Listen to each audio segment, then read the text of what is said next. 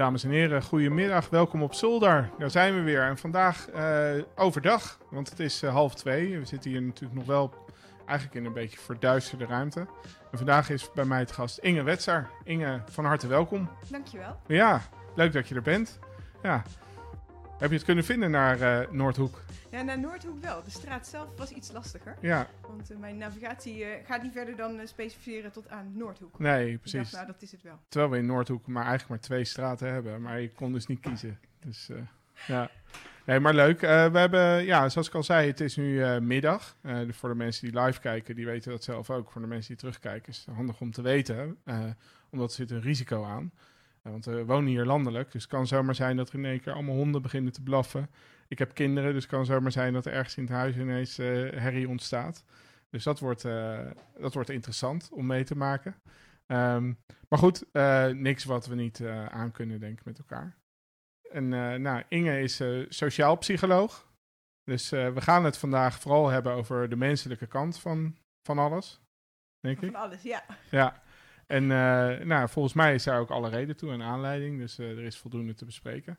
Jij bent, um, nou wat misschien eigenlijk leuk is, wat, wat eigenlijk heel erg actueel is nu, dat zijn um, incidenten van mensen die misleid worden via dingen zoals WhatsApp en uh, ook wel via Marktplaats en dergelijke. Um, heb jij de indruk dat dat, of bereikt het jou ook meer of zo, dat ook mensen problemen hebben daarmee, of dat mensen in je omgeving daardoor door getroffen worden? Ja, uh, nou, de vraag is natuurlijk altijd, um, uh, dit is al een kip-ei dingetje, zie ik het meer omdat, ik, omdat het mijn vak is en ik erop gefocust ben. Uh, van de andere kant komen mensen ook heel snel, ik, ik krijg soms een nu.nl linkje zes keer door per WhatsApp van kijk eens, ja. Oh ja. weet je, dat is natuurlijk wel, mensen associëren jou met, in mij met die menskant. Um, dus ja, ik zie dat het groeit. Uh, maar dat vind ik, nou ja, kijk, ik vind het niet fijn natuurlijk dat uh, er steeds meer aandacht is vanuit oplichters voor die menskant. Uh, maar dat er meer aandacht komt in het veld hiervoor is natuurlijk gewoon een hele goede ontwikkeling. En dan aandacht voor misleiding vooral? Nou, aandacht voor de menskant van cybersecurity en dus ook voor het weerbaar maken van mensen tegen ja. dit soort aanvallen. Ja. ja, want wat mij opvalt is dat um, het zijn eigenlijk telkens nuances die veranderd worden door de aanvallers. Maar echt eigenlijk op hele kleine factoren vanuit een technoloog perspectief, denk ik dan. Dus ja. iemand die voldoende begrijpt van hoe werkt het nou achter, hoe werken deze technologieën in, uh, aan de achterkant, kan je dan waarschijnlijk die nuances er makkelijk uithalen. Weet je? Dus er wordt net de tactiek iets veranderd door een aanvaller. Ja, dan trap je er niet, trap je er daardoor niet ineens wel in als, uh, als je voldoende technisch onderlegd bent. Maar ik heb de indruk dat al, hè, de manier waarop er nu gereageerd wordt op uh, specifieke aanvallen, dat, het, dat hè, de waarschuwingen die er komen vanuit de overheid en uh, dergelijke, dat die, nou, die gaan dan heel erg specifiek over die ene vorm van aanvallen. En, Mhm. en dat pikken mensen dan op zich wel op. Alleen het lijkt erop dat, dan, dat ze daardoor niet beter in staat zijn nou, om net iets veranderende technieken of tactieken ook te herkennen. En dat vind ik zo bijzonder. Of is dat niet bijzonder? Nou ja, je, ik, ik, denk dat je wel gelijk hebt dat dat in ieder geval is wat er wel nu gebeurt. Je ziet dus dat mensen uh, worden geïnformeerd over een nieuwe vorm van fraude. Namelijk, je krijgt een e-mail uh, namens de bank uh, en trapt er niet in, want de bank stuurt niet een e-mail over nou, onderwerp A. En dan krijg je vervolgens een WhatsApp of een tekst of een e-mail over onderwerp B. Uh, en dan begint het hele proces weer van vooraf aan. Ja. En je ziet dat zeker met um, mensen die niet zo heel erg thuis zijn in de techniek, um, dat iedere keer opnieuw heel concreet moet worden gemaakt ook om die mensen te, uh, te wapenen eigenlijk. Ja. Um, dus je kunt wel zeggen van oplichters die benaderen je niet via, um, uh, nou ja, of de, de bank benadert je niet via je telefoon. Um, zo, zo, hard is die natuurlijk ook niet, want er kan een keer iets gebeuren. je weet het nooit. Dus wil je die mensen weerbaar maken, maak je het heel concreet. En het nadeel van concreet is dat je dus ook altijd achter de feiten aanloopt. Want die oplichters, die zijn natuurlijk ook meesters in dan een beetje tweaken. Nou, ja. nu kunnen ze met spoeven voortaan ook het nummer in het scherm laten zien. Dus heb jij net geleerd dat jouw trucje is dat je dat nummer moet checken? Ja. Ga jij braaf dat nummer checken? Ja, klopt is het? Ook niet goed. Ja, moet je weer het volgende trucje leren. Ja. En eigenlijk is het een soort kat-en-muisspel een beetje met die oplichters. Dat wij, wij steeds dus uh, aan, de, uh, aan de defensieve kant weer um, achter uh, het informeren eh, van het nieuwe stuk aan moeten. Ja, maar is dat dan de juiste methode? Of wat, wat, hoe zou dat anders moeten gebeuren? Zodat ja, ook nieuwe tactieken eigenlijk op voorhand al herkend worden door mensen. Ja, ehm, nee, je zei zelf al in ons voorgesprek, een van mijn stokpaardjes is inmiddels is natuurlijk ehm, dat ik denk dat het einddoel van wat wij moet, willen bereiken niet moet zijn dat iedereen zich bewust is van de gevaren, maar dat we moeten streven naar veilig gedrag. Nou Ja. is als psycholoog makkelijk praten, want psychologie is de wetenschap van het gedrag. Ehm, maar als je naar gedrag kijkt als ei- einddoel, dan heb je een heel ander eindpunt eigenlijk dan wanneer je kijkt naar awareness. Want eh, als je richt op awareness, dan zeg je dus eigenlijk ook dat je tevreden bent als iedereen een 10 scoort op een awareness test. Dat betekent dus dat iedereen weet wat hij zou moeten doen. Nou, ik weet niet, ehm, sinds eh, de coronaregels er zijn, ehm, jij weet precies wat je zou moeten doen. Mhm. Ehm, heb jij aan al die regels altijd gehouden? Eh, nee. Maar je wist het wel. Ja. Heb je wel eens in de auto? Ja. Heb je wel eens op de fiets? Ehm, snap je? Ja. Dus er zijn heel veel dingen waarvan we weten dat we ze eigenlijk moeten doen. Ja. Ja. Waarom hield jij op een bepaald moment niet aan die coronaregels? Heb je een voorbeeldje? Eh. Hmm. Ja, ik. Even niet concreet. Ik denk dat. dat eh, ja, ik heb wel eens eh, met te veel mensen dan thuis gezeten of zo Ja. op een feestje. Dat is wel een voorbeeld, denk ik. Mhm. Ja. En waarom vond jij toen dat het wel kon? Want je wist dat het eigenlijk niet mocht. En toch deed je het. Mm, nou, ik, dat, dat was dus niet in de sfeer van ik denk beter te weten dat, eh, dat het veilig genoeg is in dit geval. Eh, maar meer dat ik zelf het risico wel acceptabel vond of zo. Weet je, dat ik dacht, nou ja, mm, het, ik, ik begrijp het risico hiervan, maar ik, eh, ik doe het toch. Ja. Zo. En daar, het is niet dat je, dat, ik- dat je daar dan heel lang bij stilstaat, maar als ik het nu zo terughaal en je vraagt dat zo Mhm. aan mij, dan Ja, is ja. denk ik dat de overweging eh, min of meer geweest. Oké. Ja, ik, zou dat dan, ik probeer dat dan in psychologische begrippen nu terug te vertalen. En dan lijkt het mij dus een motivatie. Je vond het belangrijker om met die vrienden bij elkaar te zijn. En je, je wilde het toch? Je wilde het liever dan dat je wist dat het eigenlijk niet kon. Ja, en dan Ja. gaat het er eigenlijk om van ja, je mag met maximaal x aantal mensen eh, aanwezig zijn. En dan, ik weet niet meer precies, maar dan is het x, meer. x plus Ja, 1. En dan denk je, ja, hallo, Ja. Moet dan tegen één, moeten we iemand kiezen die dan niet mag komen of zo Ja. weer met z'n allen? Dat, Ja. Zoiets is het dan. Hè? En Ja. dat, dat, dat voelt dan als van, ja, dat is net even iets te strak eh, nageleefd. En dit, dit is ook oké. Ja. Dan doen we x plus 1. Dat is dus, daar- daarin pas je de regel dus voor jezelf aan. Ja. Dat is niet fout, hè? Ik bedoel, ik, ik zit hier zonder oordeel. Nee, ja, eigenlijk natuurlijk wel. Ja, Oh, ze zegt dat het niet fout Nu is. het Ja. zegt is het fout.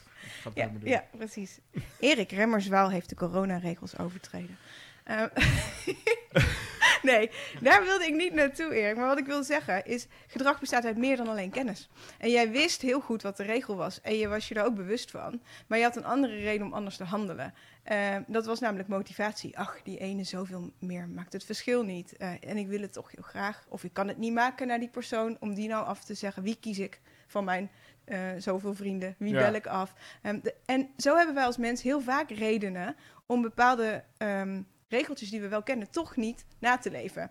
Hetzelfde geldt met je weet dat je altijd de bank moet bellen als er iets gebeurt. Maar op het moment, ehm, eh, ik heb slachtoffers gesproken, dat eh, er wordt gezegd: op dit moment wordt er geld van uw rekening naar de Oekraïne overgemaakt. Klopt dat? Nou, dan schiet er zo'n stress in, in dat lijf. Ja.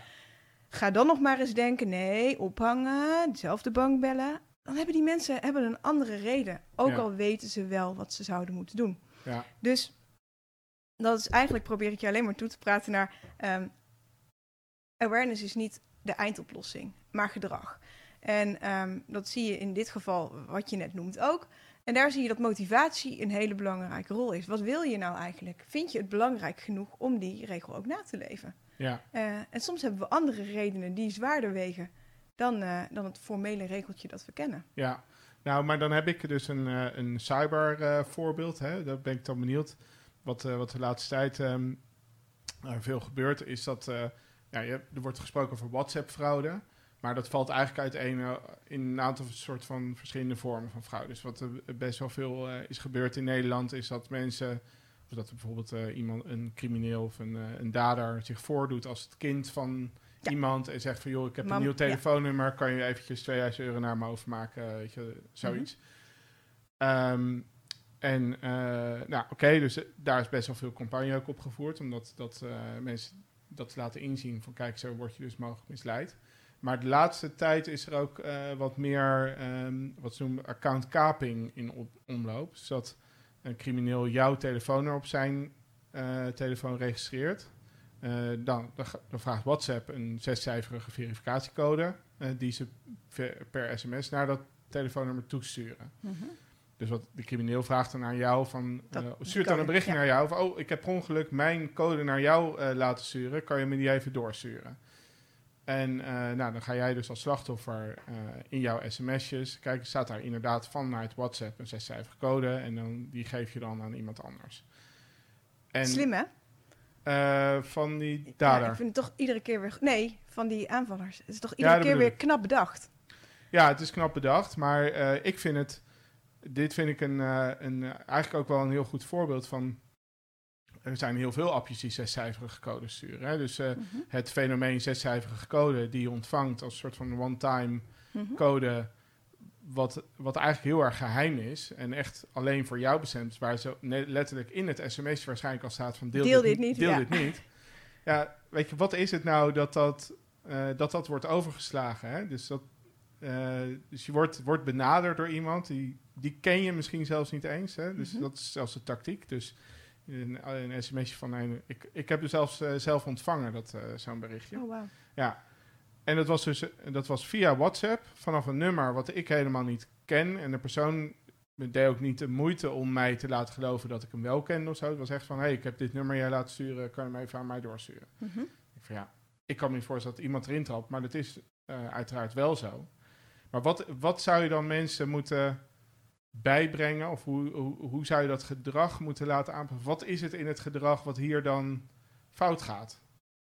In dit geval denk ik dat het, dat het eh, zo'n geloofwaardig verhaal is dat mensen het gewoon niet herkennen. Nee. Mensen gewoon niet eh, die stap extra zetten. En dat kan door ehm, ehm, factoren zijn als tijdsdruk. Doordat ze gewoon druk zijn. Ehm, eh, je, je moet van je ene naar je andere meeting. Je ziet daar die vragen. Je wil er meteen van af zijn. Dus, eh, oh, iemand vraagt om die code en je zet die code door en klaar. Ja, En zo klikken mensen ook nog steeds op phishing links. Dat gaat vaak in de snelheid van je e-mailbox even weg willen werken in 10 minuten. Ehm, eh, terwijl als je mensen vraagt, oké, is dit een phishing link of niet? En ze gaan uh, die e-mail helemaal analyseren, kunnen ze hem wel herkennen. Maar dan ben je er op voorhand op getriggerd. Als jij daar helemaal niet op getriggerd bent, je bent gewoon in het leven bezig en eh, je gaat uit van het goede van de mens en, ehm, en van het positieve, dan ben je misschien niet de hele dag alert op dit soort berichten. Kijk, het is ons vak, hè? Vergis je niet nee, hoe jij naar de wereld kijkt en dat dat niet hetzelfde is als iedereen die in de supermarkt loopt. Nee, maar zou het dan zo moeten zijn dat iedereen eh, zich aanleert om niet gehaast met dit soort dingen om te gaan? Wat het ook is, is dat het? Nou, het zou een van de oplossingen zijn. Jij wil, het toe, jij wil naar, naar één antwoord van mij. En het nee, gaat er niet komen. Nee, nee, maar, eh, ja, nee, maar weet je, ehm, er is geen one size fits all. Ehm, en dat, is, dat maakt de psychologie ook zo ontzettend leuk. Eh, het is zo ook ontzettend lastig. Ik heb wat dat betreft een hele ingewikkelde baan. Eh, aan de ene kant moet ik mensen steeds ervan overtuigen dat wat ik doe een expertise op zich is. Ehm, want ja, ik weet iets van mensen. Maar ja, je bent zelf ook een mens en je hebt er thuis ook een paar. Dus het voelt al heel snel alsof je zelf ook heel veel van mensen weet. Dus ik loop heel vaak aan tegen dat, dat ehm, eh, mensen denken dat ze zelf ook de psycholoog zijn, zeg maar. Ja. Soms moet ik mensen heel erg overtuigen. Ehm, en als je dan iets vertelt wat eh, hout snijdt, dan roepen mensen al snel... Ja, maar dat wist ik al. Ja, maar het feit dat je het kunt volgen, wat ik uitleg, is nog niet hetzelfde als dat je het ook wist. Ehm, en aan de andere kant is er vanuit de psychologie ook juist weer heel moeilijk een oplossing voor alles. Dus dat is het andere punt waar Ja. ik tegenaan loop. Ehm, want ehm, eh, heel vaak is het antwoord ehm, it depends. En dat komt omdat verschillend, mensen zijn verschillend. En wellicht moet je dus eh, oudere mensen heel anders benaderen om hun gedrag te veranderen dan, eh, dan de jeugd. En dan eh, eh, jonge ouders, dan, nou noem maar op, je kunt allerlei groepen maken. En die hebben ehm, door waar ze vandaan komen, door hun, door hun geschiedenis, ehm, allerlei eigen manieren van omgang met techniek, met oplichting waar ze mee opgegroeid zijn, wel of niet, wat herken je wel en niet. Um, dus je campagne of wat je zou willen doen, um, moet ook denk ik veel meer uh, gevarieerd worden na, naar je um, doelgroep toe. Ja, en, en, wie, en wie moet dat dan doen? Is dat dan, moet je op deze manier bezig zijn met je eigen werknemers? Dat, dat ligt op zich voor de hand. Denk mm -hmm. ik. Mhm. Alleen werknemers zijn tegelijkertijd natuurlijk ook gewoon ja, mensen, mm -hmm. particulieren die mm -hmm. uh, studeren of uh, naar school zijn geweest of gewoon onderdeel zijn van de maatschappij. Um, dus is er ja, nou, dit is waarschijnlijk een beetje een open deur, maar dit, die, die verantwoordelijkheid die ligt natuurlijk bij allerlei verschillende instanties om op deze manier bezig te zijn met mensen en hun veilige gedrag. Nou ja, kijk, je hebt het voor, als je het over de Nederlander hebt, wel. Ja. Uh, maar voor organisaties heb je natuurlijk gewoon een CISO. Ja. Uh, of een ISO of, of een paar. Dat ligt een beetje aan wat voor organisatie je hebt. De bakker op de hoek heeft minder, uh, minder mensen voor informatiebeveiliging in dienst dan een bank. Um, maar binnen een organisatie is het gewoon belegd. En je ziet steeds meer sowieso in de vinkjes. Um, uh, en in de, uh, nou ja, in de ISO en overal moet je toch ook laten zien dat je iets met die mensen doet. Ja. En um, is het dus voor veel organisaties ook wel degelijk aan hen zelf om te laten zien dat ze ook preventief aandacht aan hun medewerkers schenken. Ja. Um, en dat gaat gelukkig tegenwoordig ook steeds verder dan awareness. Ja, maar de, en dan moet je mensen ook als werkgever eigenlijk net zo goed, uh, ja, hoe zeg je dat, helpen bij het herkennen van WhatsApp-fraude. Ook al is dat misschien iets wat ze alleen maar in privésfeer zou raken, bij wijze van spreken. Dus het, je zou misschien denken, van, ja, het valt een soort van buiten scope. Ja, dat ligt er een beetje aan waar je werkt. Want als het via je werktelefoon gaat en ja. uh, uh, nou, daar kunnen hele grote actoren een rol spelen die proberen via jouw WhatsApp um, uh, contacten te leggen en informatie te ja, krijgen, zeker. misschien met collega's. Dus in die zin kan het wel degelijk voor sommige banen ook heel erg aan je werk raken. Ja, ja en als jij privé, uh, weet ik veel, op de een of andere manier chantabel raakt, dan heeft dat automatisch ook natuurlijk consequenties voor je werk. Uh, maar ik, ik, mijn indruk is dat veel van dit soort vraagstukken toch wel afgebakend worden met een bepaald scope van ja, het zijn bepaalde dingen die, ja, die zijn meer privé. Uh, dus dat is niet onze verantwoordelijkheid bij wijze van spreken. Of dat daar, maar ja, ik denk dat langzamerhand dat, dat als het hier om gaat, dat er niet echt een uh, grens te trekken is tussen wat, waar train je mensen wel in, uh, of waar help je mensen wel in en wat niet. Mag niet trainen zeggen. Hè? Nee, zie je het? zie je het? erg. Ja. ja. het is ook op mijn werk, als uh, bij ons iemand uh, awareness zegt, dan vertrek ik ook en zeg, oh, ik zei het A-woord. Oh, ja, nee, nee, bewustwording, ja, um, nee. Um, nee, ja, trainen, uh, trainen is een oplossing. Uh, heel even op. Wat op is trainen eigenlijk eventjes? Want dat is misschien ook, want ik denk van ja, iets, iemand weet of kan of doet iets niet en, en we doen iets zodat diegene dat wel gaat doen. Of ja, nou, dat is wel leuk. Trainen wordt in deze wereld eigenlijk heel vaak niet correct gebruikt. Dus um, um, je hebt iets uh, mensen leren. Dus dat is kennis zenden. En trainen vanuit de psychologie is eigenlijk echt het het aanleren van een nieuwe vaardigheid. Dus letterlijk trainen, zoals je op een voetbaltraining ook traint. Oefenen, oefenen, oefenen door te doen. Ja. Dus een training voor phishing zou voor mij letterlijk betekenen... je gaat gewoon uh, phishing mails, je leert wat, hoe je ze moet herkennen... en je gaat er honderd naar elkaar proberen te uh, herkennen waaraan. En uh, dat, dat is trainen. Ja. Het, gedrag, het nieuwe gedrag echt inslijpen. Um, je ziet in deze wereld heel vaak dat training uh, synoniem wordt gebruikt als uh, aan um, um, bijvoorbeeld uh, gewoon een, een awareness sessie die je, die je krijgt waarin een uur lang iets wordt verteld. Ja. Dat heet dan een awareness training. Um, maar zelfs die twee, wat zijn dat? dat zijn dus manieren om mensen iets te vertellen over bepaald gedrag of om ze uh, bewust te maken. Hè. Die awareness trainingen gaan ook over let op, tegenwoordig is dit een, uh, een nieuwe ontwikkeling. Um, training gaat dus iets meer over het oefenen van gedrag. Dat zijn vanuit mijn oogpunt twee mogelijke interventies om bepaald gedrag te veranderen, om gedragsverandering te bewerkstelligen. Ehm, naast nog heel veel Ja. andere. Eh, waarin eh, verbaast mij steeds, maar nou, die andere wordt dus niet zo gekeken. Trainen vinden we logisch, maar waarom gaan we niet mensen motiveren? Ja. Eh, want heel vaak, juist in cyber, mensen weten wel dat ze hun computer moeten lokken hoor. Kun je nog honderd posters maken en nog eh tien mailtjes sturen en naar al die afdelingsoverleggen toe en op de zeepkist gaan staan. Maar ze weten wel dat ze hun wachtwoord, Ja. eh, hun computer moeten lokken. Bij ons was gebruikelijk dat iemand het niet deed, om dan Taart. een heel vies eh, Oh. achtergrondplaatje of zo Oh. te activeren op zijn computer of eh, zoiets. Ja, nou dat is een van de. eh, ja, Dat nou, kan ook. Wij, wat wij, wij noemen taarten. Taarten is. ehm, eh, op het moment dat je een computer van een collega ziet openstaan, mag jij een mailtje sturen namens diegene aan de hele afdeling. Oh, ja, ja. Ik trakteer morgen op taart. Ehm, het effect daarvan hangt dus enorm per organisatie af. Nou, daar kom ik weer als psycholoog. Er is geen one size fits all. Ehm, voor de ene organisatie werkt dat briljant. Maak je die afspraak en ehm, vanaf dan eh, zijn mensen sportief, doen ze mee, weten ze dat het kan gebeuren. Eh, bij een andere organisatie eh, krijg je onderlinge boosheid, worden ze uh, als het gebeurd is. Ehm, of doen ze het wel voor allemaal, behalve wanneer het in de hiërarchie, als het bij de basis durven ze het niet. Ja. Nou, krijg je scheve gezichten. Dus dit soort oplossingen kunnen heel effectief zijn. Je, je, ook je scherm omdraaien bijvoorbeeld, is ook zo'n ding. Ja. Als je niet weet hoe je dat terug moet draaien, is echt eh, zo irritant. ja, maar dus, er zijn allerlei trucjes. Maar of ze werken, hangt heel erg af van de cultuur in een club. ja. Dus ook daar heb je eigenlijk steeds maatwerk nodig. Wat past bij jouw medewerkers eh, om dit gedrag te veranderen? ja. En dat is dus geen one size fits all. Nee, En daarom werk ik als psycholoog in dit veld. ja. Maar het is wel een heel... in- ja, ik kan me voorstellen dat er dus ook eh, heel veel te doen is. Want, Ja. want ja, ik, weet- ik ken jou vooral omdat je eh, ook veel spreekt over, eh, over ja, jou- jouw specialisme. Op eh, congressen en conferenties schrijf. Je bent, wat is, je bent columnist bij de PVIB. Ja.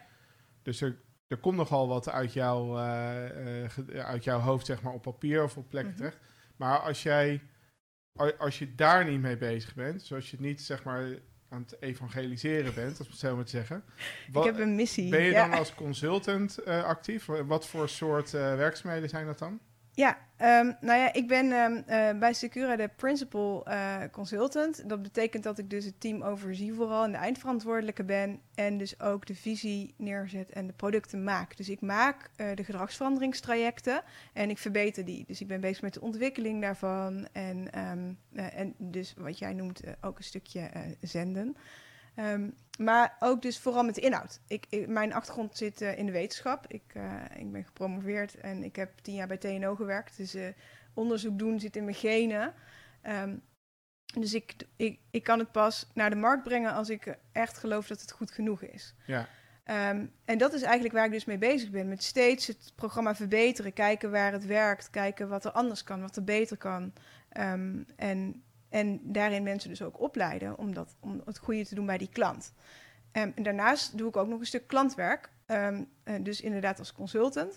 Ehm, omdat ik geloof dat het heel belangrijk is om feeling met, eh, met het veld te houden. En Ja. niet, dat je je niet moet opsluiten in een, eh, in een cybersecurity bedrijf. En niet meer buiten moet komen. Dus ik ben ook nog ongeveer twee dagen in de week op pad. Ja, nu iets minder op pad, maar digitaal op pad. En dan, eh, nou, dan begeleid ik dus eigenlijk eh, dit soort trajecten ehm, van A tot Z voor eh, verschillende organisaties. ja.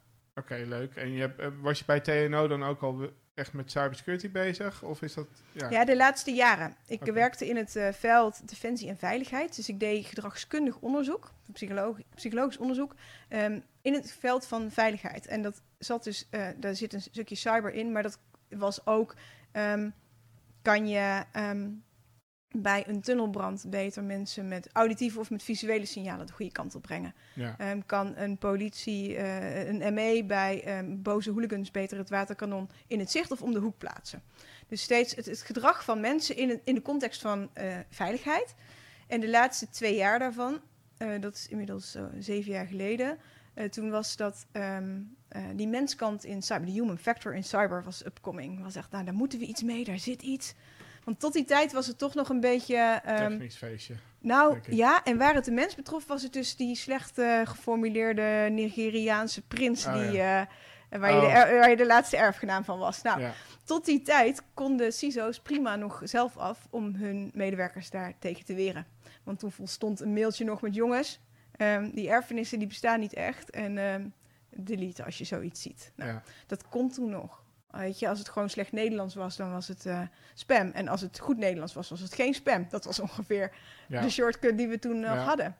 En ehm, toen begon dat ineens te ontwikkelen. Dat je zag van, hé, hey, die, die aanvallen worden eigenlijk geavanceerder. En eh, daar begon ik toen onderzoek naar te doen. En ja, dat was wel heel interessant. ja. En eh, nou ja, TNO is natuurlijk eh, vooral een kennisopbouwclub. Ehm, en ik vond het wel heel leuk om uiteindelijk toch de stap echt naar, eh, naar de markt te maken. En iets te gaan maken waar ik daadwerkelijk organisaties mee verder kon gaan helpen. ja. Dus toen heb ik, heb ik die overstap gemaakt. Ja, Oké. En, dus je, je hebt ge- gestudeerd in Tilburg, hè? Ja. En daar ben je ook gepromoveerd? Ja. Oké. En wat was je promotieonderzoek? ja, dat is echt een heel ander onderzoek. Oh, Ik, ik ben gepromoveerd op het waarom mensen eh, delen, eh, hun negatieve emoties met anderen delen. oké. Waarom praat je over je boosheid als je boos bent? Want dan word je eigenlijk nog bozer van. Eh, en waarom doen we het dan toch?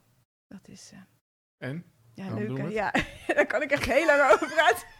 nou, dat is, ik vind het echt heel leuk. Eh, ehm, wij delen onze emoties helemaal niet om die emotie te verlagen. Maar we, de- we halen allerlei andere dingen uit dat delen. Ehm, goed, dit gaat niet over cyber hoor. Ja, Maar, het maakt helemaal niet uit. Oké. Ik vind het wel interessant. Ik wil het weten. Oké, nou, ik heb voor verschillende negatieve emoties onderzocht. En spijt is een emotie die heel erg over jezelf gaat. Je voelt jezelf slecht, want ik heb net iets gedaan ehm, waar ik mij voor schaam. En ehm, eh, dat had ik niet willen doen. En bij spijt kruip je het liefst zeg maar onder de deken. En als je dat tegen iemand vertelt en die iemand geeft jou de juiste reactie, eh, namelijk die ehm, relativeert wat, dan voel jij je daarna een stuk beter over jezelf en weer eh, gebond met die ander. Dus eh, nou, ik kom naar je toe, oh, weet je wat ik net heb gedaan? Nou, en jij Ja. zegt, joh, dat had dit mij ook kunnen gebeuren. Nou, dan voel ik me daarna al een stuk beter. Bij boosheid is het juist zo dat je ehm, eh, boos gaat over iemand anders. Je bent ehm, nou ja, boos op jezelf is spijt namelijk. Dus als je boos bent, eh, dan gaat het, dat is een other-focused emotion. Ehm, dus ik ben boos op, eh, nou, Theo. Theo Ja. heeft net, eh, toen ik binnenkwam, hield hij geen afstand. Dat is niet waar, mensen. En Theo is- stoot hij je hoofd. ja, Nee, dat is wel waar. Ja. we, we kunnen, ja, oh ja, trouwens, dat is wel waar, ja. En, en Theo is morgen jarig, maar we hebben nog steeds We geen hebben nog, Oké, wij zijn, eh, ik ben boos op Theo. En, Ja. Want Theo is jarig, kom- kwamen wij net achter. En Theo heeft nog steeds niet getrakteerd. En ik ben hier al, nou, ja, een half uur. Hij heeft er wel En- aan gedacht, maar goed, Ja. wie weet komt het nog een keer naar boven. Ja, nou, dus, Nou, dus ik ben boos op jongens. Ik dacht Theo, tot zo. Dus, ja, ik ben boos op Theo en dan ga ik tegen jou vertellen, moet je horen wat Theo mij heeft geflikt. Op het moment dat jij mij dan gaat relativeren, dan word ik nog bozer. Eh, Als jij gaat zeggen, nou, ik snap hem eigenlijk wel, eh, dat is helemaal niet de reactie die ik dan zoek. Ik Nee. wil dat jij mij bevestigt en zegt, nou zeg, inderdaad, hoe kan die, hoe durft die? Ehm, dus dan help jij mij weer heel erg in mijn zelfbeeld. En ehm, dus afhankelijk van welke emotie je deelt, welke reactie je krijgt, ehm, heb je allerlei andere benefits voor je zelfbeeld, voor je gevoel van samenhoren. Ja. Oh, en pas je dit nu ook toe? Nee. Nee. Nee, ja, weet je, kijk, er is altijd dat stukje, ben ik psycholoog, ehm, eh, ben ik psychologie gaan studeren omdat ik mensen zo interessant vind, of, of ben je daarna psycholoog geworden of zo, weet je. Ik denk altijd ehm, dat die interesse al in je zit. Dus ik, ja, ik ben altijd wel gericht op mensen en op doorvragen, Ehm, maar, maar niet, ik zit niet de hele tijd theorieën in je te herkennen of zo. Nee. Nee, maar dat lijkt me moeilijk of zo, weet je. Als je inderdaad wel de, dus hebt aangeleerd om dat, om dat te kunnen, of het, om, het, om het niet te doen. Snap je? Ja, Of zo, we- ja. soort van misschien jezelf af en toe betrapt dat je iets... Nou, iets nou te- bij, kijk, de, schilder, de huizen van de schilders staan het slechtst in de verf, hè. Dus eh, Ja, ik eh, ben... eh, nee hoor, er is van alles mis hier. Oké, oké, gelukkig. Nee, nee, ik kijk zo ook niet neer. Ik denk dat ik denk dat ik heel menselijk gewoon kijk. ehm, maar Ja. ehm, eh, eh, ja, weet je, er zijn dingen die je weet over hoe menselijk gedrag werken. Ja, Dus wat ik net zei over de coronaregels, ehm, wat een typisch fenomeen is, is wij kunnen namelijk voor onszelf Theo! Yes. Van Maison Kelder nog wel. Oh, Nou, echt waar? ja. Ja, Is het nou kelder? Zeg je? Maison Kelder. Ja, we dus zitten op zolder. Wauw. Nou, we hebben ook wel we hebben een leu- een leuk grapje zelf in onze ontwikkelomgeving. Want we hebben onze, onze testomgeving, die hebben we Kelder genoemd. Oh. Dus dat is hartstikke leuk. We vinden daar zelf altijd, eh, ja, kunnen daar erg om lachen. Het is wel eigenlijk ingewikkeld om iets te eten hè, als je aan het praten bent. Ik kan Ja. de video even uit. Nou, we zijn ik zo terug. Als, jij, als jij een heel verhaal gaat vertellen, neem ik een hapje en eh, vice versa. Ja, Ja, Dus, ik kom eh, uit, eh, uit vlakbij eigenlijk. Ik, ehm, eh, uit een dorp vlakbij Den Bosch. En ehm, er was altijd het grapje dat als je dan ehm, eh, een nieuw vriendje of vriendinnetje had, dan moest die dan een, eh, wat wij noemen chocoladebol, wat de rest van Nederland Bossenbol. bossenbol noemt. Ja, maar dat heet natuurlijk, dat heet natuurlijk gewoon een chocoladebol, hè? Oh, ja. Maar wel uit Den Bosch. Ja, dus- precies. Eh, en hoe je die dan zou eten voor de eerste keer bij je schoonouders, dat was altijd een beetje het grapje. ja. Nou, dat is, nou, dat is zoals Theo er nu uitziet, maar Theo staat niet op de... Nee, die vindt zichzelf niet. Oh, Ja, nou oké. Nou, weet je, ik leg het wel zo. Ja, nou, dat komt al. Ehm, maar, maar Den Bosch ben je ook ehm Ben je ook Brabant? Ja, Ja. Dat, nee, dat hoor ik wel. Maar doe je ook aan carnaval? Nee, dit jaar even niet. Nee, maar normaal gesproken wel. Ja, nou, ik ben, ehm, eh, ik ben verhuisd uit Brabant. Aha, ja. Ja, en ehm, dat was ook het moment... Nou, dat heb ik nog twee jaar heb ik heel dapper eh, volgehouden. Dan had ik eh, zelfs het huis van een vriendin... waar ik dan het hele carnaval verbleef. En dat was op, op vrijdag intrekken... en op woensdagavond na het haringhappen weg. Ja, Ehm, maar dat is inmiddels wel... weet je. Nou, ik, ik kan niet zo goed door Brabant rijden als het carnaval is en dan eh, ehm, eh, niks voelen. Ik kan wel heel goed in ehm, ehm, eh, uit Brabant zijn en er niet aan denken dat het op dit moment is. Ja. Ja. ja. Steeds beter. de- Ja. en dan mis je het niet. Nee. Nee. Oké. Nou ja, goed. Ja, ik ben import Brabant. En ik woon natuurlijk echt in een uithoek van Brabant. Maar Ja, goed, daarom zeg je ook Bossenbol. Ja, precies. Ja, Ja, ja. Ja, ik weet niet beter zelfs. Dus. maar goed, oké. zeg jij dan ook Rosmalen? Nee, dat zeg ik eigenlijk. Oh, goed zo. zeg je nooit. ik zeg het hele woord. Het hele woord is gewoon niet... eh, Kaatsheuvel. Ja. ja. Katsheuvel. Nee, dat is Oh. dus... Echt, je bent een nep Brabander. Ja. Ah, oké. Oké, goed. En eh, hoe zeg je dan Efteling? dat daar ook. Maar goed, anyway. ehm, ja, neem lekker even een hapje. Ja. Dus, eh, dames en heren, eh, Theo is eh, jarig eh, morgen. Dus eh, wij eh, hebben van hem een lekker taartje gekregen. En eh, nou, dat... eh, ja. En wat staat er op je verlanglijstje, Theo? Heel weinig. Ja. Iets met Mario karten. Nee? Nee. Ah, oké. Ja, dat ik een keertje win misschien? Of, eh, Dat je iets wint. nee, dat ik een keer daarmee win. U- iets was de überhaupt- laatste keer was oh, het niet dat. zo... eh, Nee, wij, eh, wij, wij Mario karten ook tegen elkaar. En dan eh, ja, is Theo niet de beste, zeg maar. Maar normaal gesproken moet hij ook tegen zijn tegen zoontjes Mario karten. En dan kan hij het wel winnen. met Dus, eh, moeite, maar het lukt wel. Met, moeite, maar het lukt. Ja, maar dat is leuk. Ja, Theo is onze lead developer. En wij zijn bezig met een, een mobiele app te maken. die je in eerste instantie vooral kunt verbinden aan Office 365. En dan op een makkelijke manier ja, inzichten naar voren brengt van wat er te verbeteren is aan je configuratie daar. Dus eh, eh, two-factor authentication aanzetten. Of eh, niet zoveel mensen ook eh domein administrator rechten geven. En dat soort eh, settings checken we.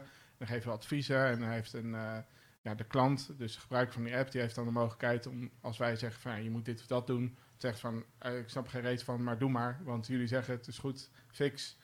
Dus echt actionable. Er wordt heel veel gesproken over actionable adviezen. Maar zijn dat, ehm, is die klant dan ehm, de, de CISO of zijn dat de, de individuele medewerkers Nou, van organisaties? Ehm, in- ja, de CISO-rol. Alleen Mhm. eh, wij, wij hebben wel de bedoeling om dit echt te richten op het MKB. En dan Mhm. echt eh, ook, ook echt eh, de K van het MKB te kunnen bedienen. Dus ja, dan, heb je het over misschien eh, bedrijfjes met maar tien medewerkers bij spreken. Mhm. Ja, dan heb je geen CISO. Mhm. Nee, Eh, maar goed, wat je dan wel hebt, is gewoon iemand die eh, als directie, misschien wel de directeur, de verantwoordelijkheid heeft voor ja, security. Maar daar natuurlijk gewoon ja, niet, niet de tijd en, en kennis heeft om dat echt allemaal helemaal goed, goed te begrijpen. Van hoe stel je dat dan in?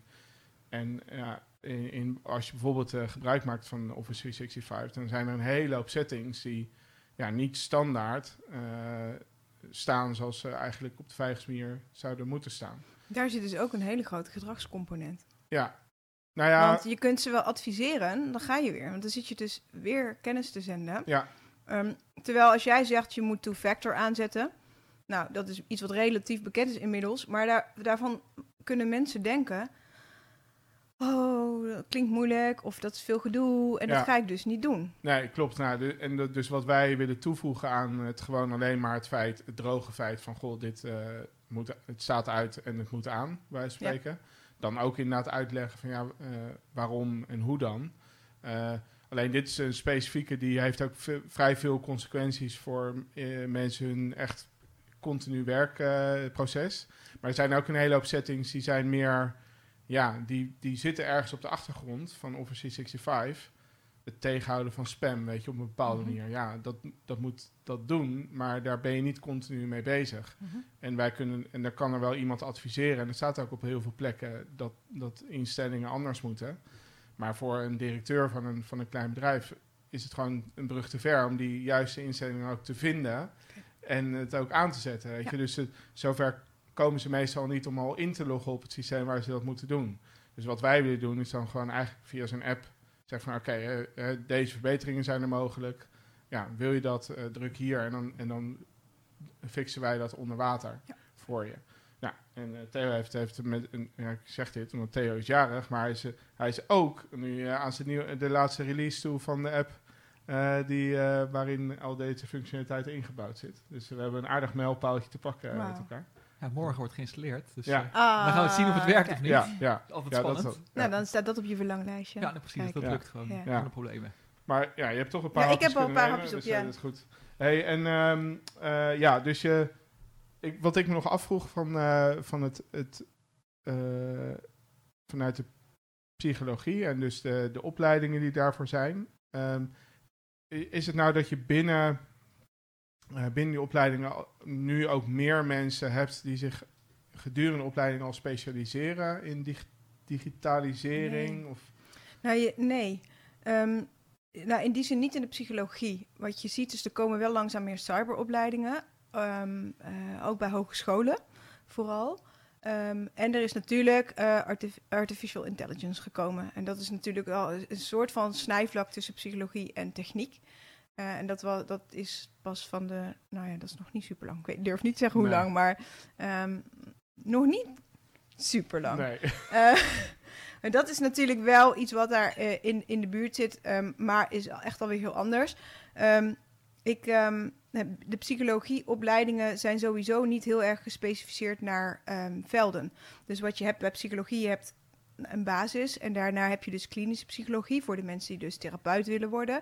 Ehm, de kinder- en jeugdpsychologie voor de mensen, nou, dat spreekt voor zich. En dan heb je nog ehm, eh, sociale psychologie, eh, arbeids- en organisatiepsychologie en economische psychologie. En ar- arbeids- en organisatie gaat natuurlijk over eh, werk en, en, loopbaan en dat soort dingen. Ehm, ehm, eh, de sociale psychologie gaat over mensen in groepen en mensen en hun emoties. En hoe beslissen mensen. Ehm, dus eigenlijk gewoon hoe zit de, de, de gezonde mens, zeg maar, niet uitgaande van dus de klinische psychologie, autisme, ehm, eh, ADHD, eh, allerlei stoornissen, maar gewoon gewone mensen, hoe reageer je? Die anderen zijn ook gewone mensen. Oké, hier klets ik me vast. Ehm, Ja. Maar de, hè, niet gefocust in ieder geval op al die stoornissen die we Ja. hebben. Ja. Eh, hoe, hoe, ehm, hoe handelen wij? Hoe denken wij? Hoe, hoe gedragen wij ons? En eh, dat is wat je leert bij sociale psychologie. En bij economische psychologie is dat iets meer toegepast op dus ehm, consumenten. Dus iets- hoe, hoe handelt de consument? Waar ligt iets dicht, dicht bij de marketing? Wanneer word je aangetrokken om iets wel of niet te kopen? Welke ehm, reclames ben je vatbaar voor? Hoe werkt priming in je hoofd? Ehm, dat soort dingen. Ehm, maar dat wordt, daar krijg je wel voorbeelden van. Nou, kijk, bij, eh, bijvoorbeeld dit cybervoorbeeld, bijvoorbeeld dit voorbeeld in ziekenhuizen. Ehm, stoppen met roken, eh, noem maar op. Maar dat zijn geen eh, specialisaties die je al op de universiteit krijgt. Nee. Wat ik wel steeds meer zie, is dat ik bijvoorbeeld via LinkedIn berichtjes krijg van studenten die zeggen: Nou, ik, Ik volg u, zeggen ze tegenwoordig. Oh, wat leuk voor ja, je. nou, Heb ik ook oh, hoor. zie je Ja. doet dat tegen. Ja. Eh, maar eh, ik, heb een aantal van, eh, van je berichtjes gezien. ehm, en eh, hartstikke leuk. En zou ik, eh, zou, heb je misschien een stageplaats? Of zou ik eens iets... eh, nou ja, zo. Dus ik zie wel dat er steeds meer psychologen komen met interesse in dit gebied. Ehm, maar het is nog niet zo volwaardig erkend, eh, die combinatie. Nee. Ik voel mezelf ook nog wel een pionier daarin. Ja, ja, de- ja. Nou, de, eh, dat denk dat je dat ook wel bent. Althans, ja, volgens mij zijn er nog steeds van de me Oh. Sorry. Theo die had even, Klaar mee, ja. Had even stoepsen Ga naar huis. Ehm, maar volgens mij eh, ja, zijn er op zich ook nog relatief mensen, weinig mensen zo eh, gespecialiseerd ermee bezig, toch? Met de combinatie. Dus ja, er is nog een hoop te winnen. Ja, ja en Ja. eigenlijk vind het is echt zo typisch. Want ehm, nou, waar, ik, waar ik daar straks ook zei, dat het, dat het zo lastig is om de erkenning voor dit vak te vinden in de wereld van cyber. Ehm, een, een CISO mag wel, ehm, als er technisch iets ingeregeld moet worden, mag die de hulp van IT inschakelen. Dat vinden we volstrekt logisch dat hij dat niet zelf kan. Maar als er iets aan die menskant moet gebeuren, dan verwachten we allemaal dat die CISO dat zelf wel even doet. Ja, Dat hij even zorgt dat niemand meer eh, daar in die eh, nou, phishing mail trapt. Of dat iedereen eh, vanaf nu zijn two-factor aanzet. Of een uniek wachtwoord kiest voor zijn werkaccount.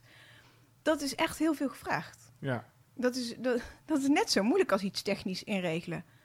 ja. Dus hoe kan het dat het nog steeds zo ingewikkeld is om te erkennen dat dat een specialisme is dat je wellicht erbij zou willen opschakelen? Ja, nou ja, dat, ik zou het niet durven zeggen eigenlijk. Ja, ik, ik- misschien een, beetje vanuit wat je, wat je in zijn algemeenheid over psychologie zegt. Dat, dat mensen denken het wel te weten of, eh, of heel erg vanuit zichzelf redeneren. Dat, echt Ja.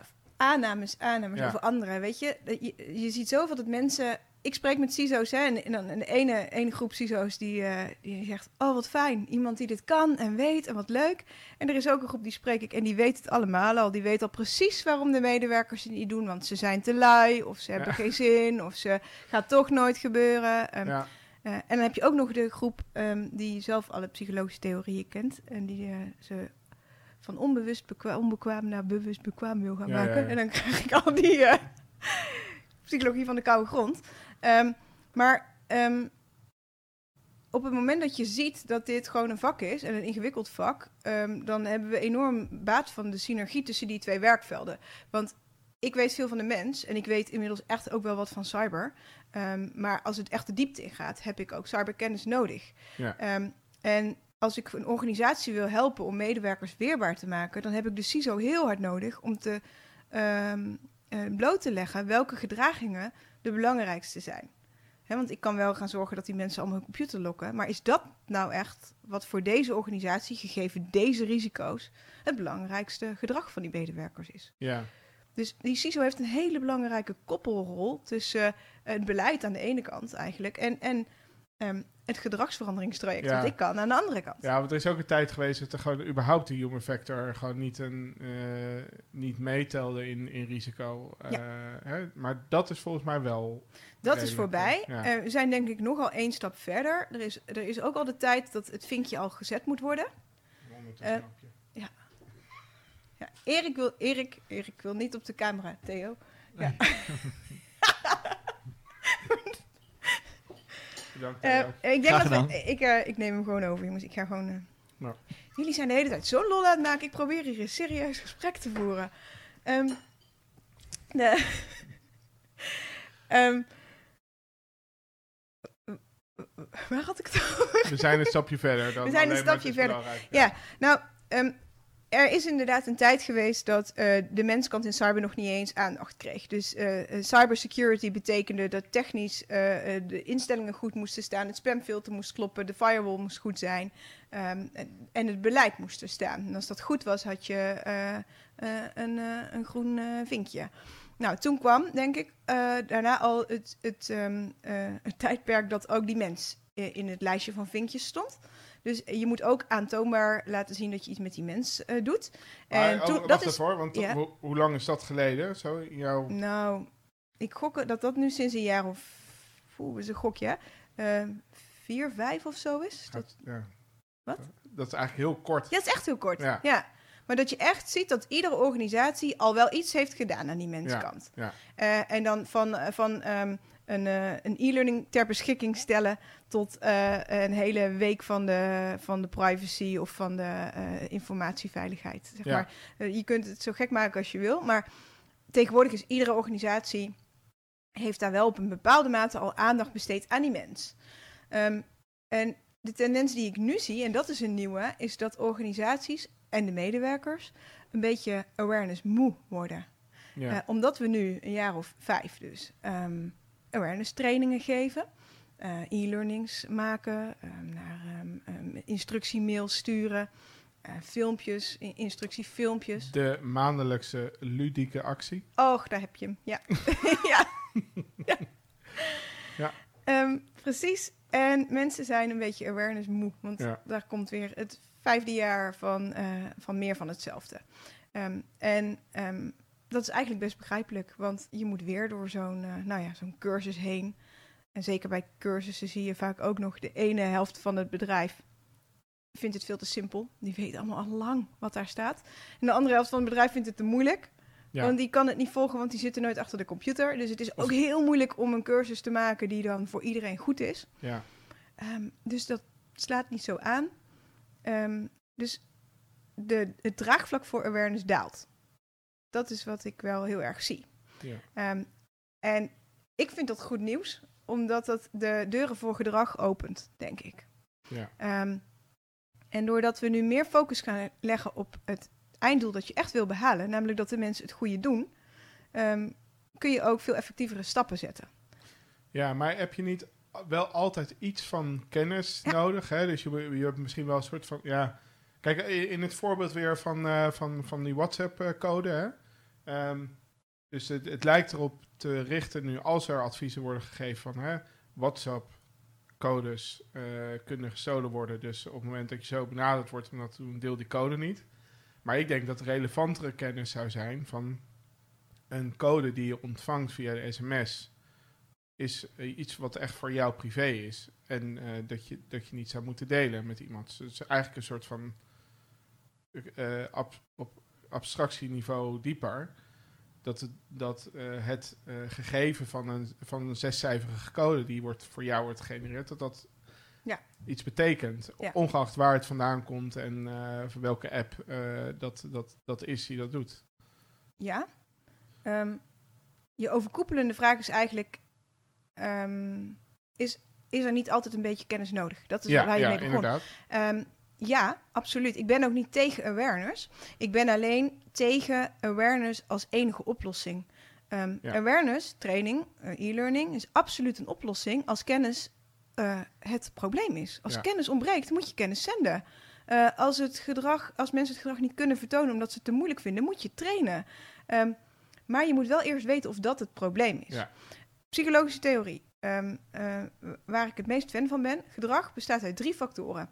De eerste is kennis. Je Ja. moet weten wat je moet doen om het ook te kunnen doen. Eh, de tweede, en dat is capaciteit. De tweede is motivatie. Je moet het ook willen doen. Eh, als jij weet hoe je een moeilijk wachtwoord maakt, maar jij denkt, ja, pff, moet ik iedere keer heel, dat ik helemaal in ga diepen ehm, en ik kan het toch niet onthouden, dan ga je het dus niet doen. Dan weet je het wel, kan je nog tien keer kennis zenden, maar ga je het gedrag niet mee veranderen. Ja. Ehm, de derde, naast dus capaciteit en motivatie, is gelegenheid. Die gaat over of je wel in staat wordt gesteld om het te doen. Ja. En dat gaat over dingen als cultuur in een organisatie en de context. Dus als ik wil dat eh, mijn medewerkers altijd onder hun eigen account werken, eh, en ze weten dat, en ze kunnen dat op zich, op zich ook, en ze willen het ook, maar ze hebben niet de juiste autorisaties om datgene te loggen wat ze moeten loggen, ja, dan krijg je dus toch dat ze elkaar de accountgegevens gaan geven en dat ze dus eh, eventjes snel onder het eh, account van hun collega iets opslaan. Nogmaals, kun je dus awareness trainingen gaan sturen wat je wil. Kun je nog een keer 100 e-mails sturen dat het niet de bedoeling is dat ze niet in hun eigen account werken. Maar het probleem zit dus in gelegenheid. Ja. En eigenlijk hebben die drie factoren, motivatie, capaciteit, gelegenheid, alle drie een drempelwaarde eh, die aanwezig moet zijn voordat gedrag plaatsvindt. En als een van die onder die drempelwaarde zit, dan treedt dus gedrag niet op. En je moet dus steeds weten welke, om gedrag effectief te veranderen. Ja. En soms is dat dus kennis. Bij nieuwe ontwikkelingen is dat kennis. Want mensen, nou, als nu, nu zie je die ontwikkeling dat je langzaam stemmen ook kunt gaan herkennen. Nou, moeten mensen straks weten dat een, een controlebelletje en je hoort inderdaad de goede stem wellicht niet meer volstaat. Nou, dat is dan kennis die je op dat moment moet gaan zenden, want dat is nieuwe kennis. Ja. Ehm, maar ja, in het geval van die autorisaties die ik net gaf, ja, hoef je niet nog tien keer te vertellen dat het Nee. de bedoeling is. Dus je moet steeds terug naar wat is de oorzaak. En, en wat je in deze wereld ziet, is er is heel lang ehm, in- vol ingezet op kennis. Kennis zenden. Op, op allerlei ludieke manieren, dat dan misschien wel. Hè. We maken een mooie poster en we, eh, we hangen allerlei gadgets aan schermen en zo. Ehm, maar die ehm, pakt, grijpt eigenlijk alleen maar aan op capaciteit. Ja. Terwijl, dat is dus 1 uit 3 gokken, dat je het gedrag effectief verandert.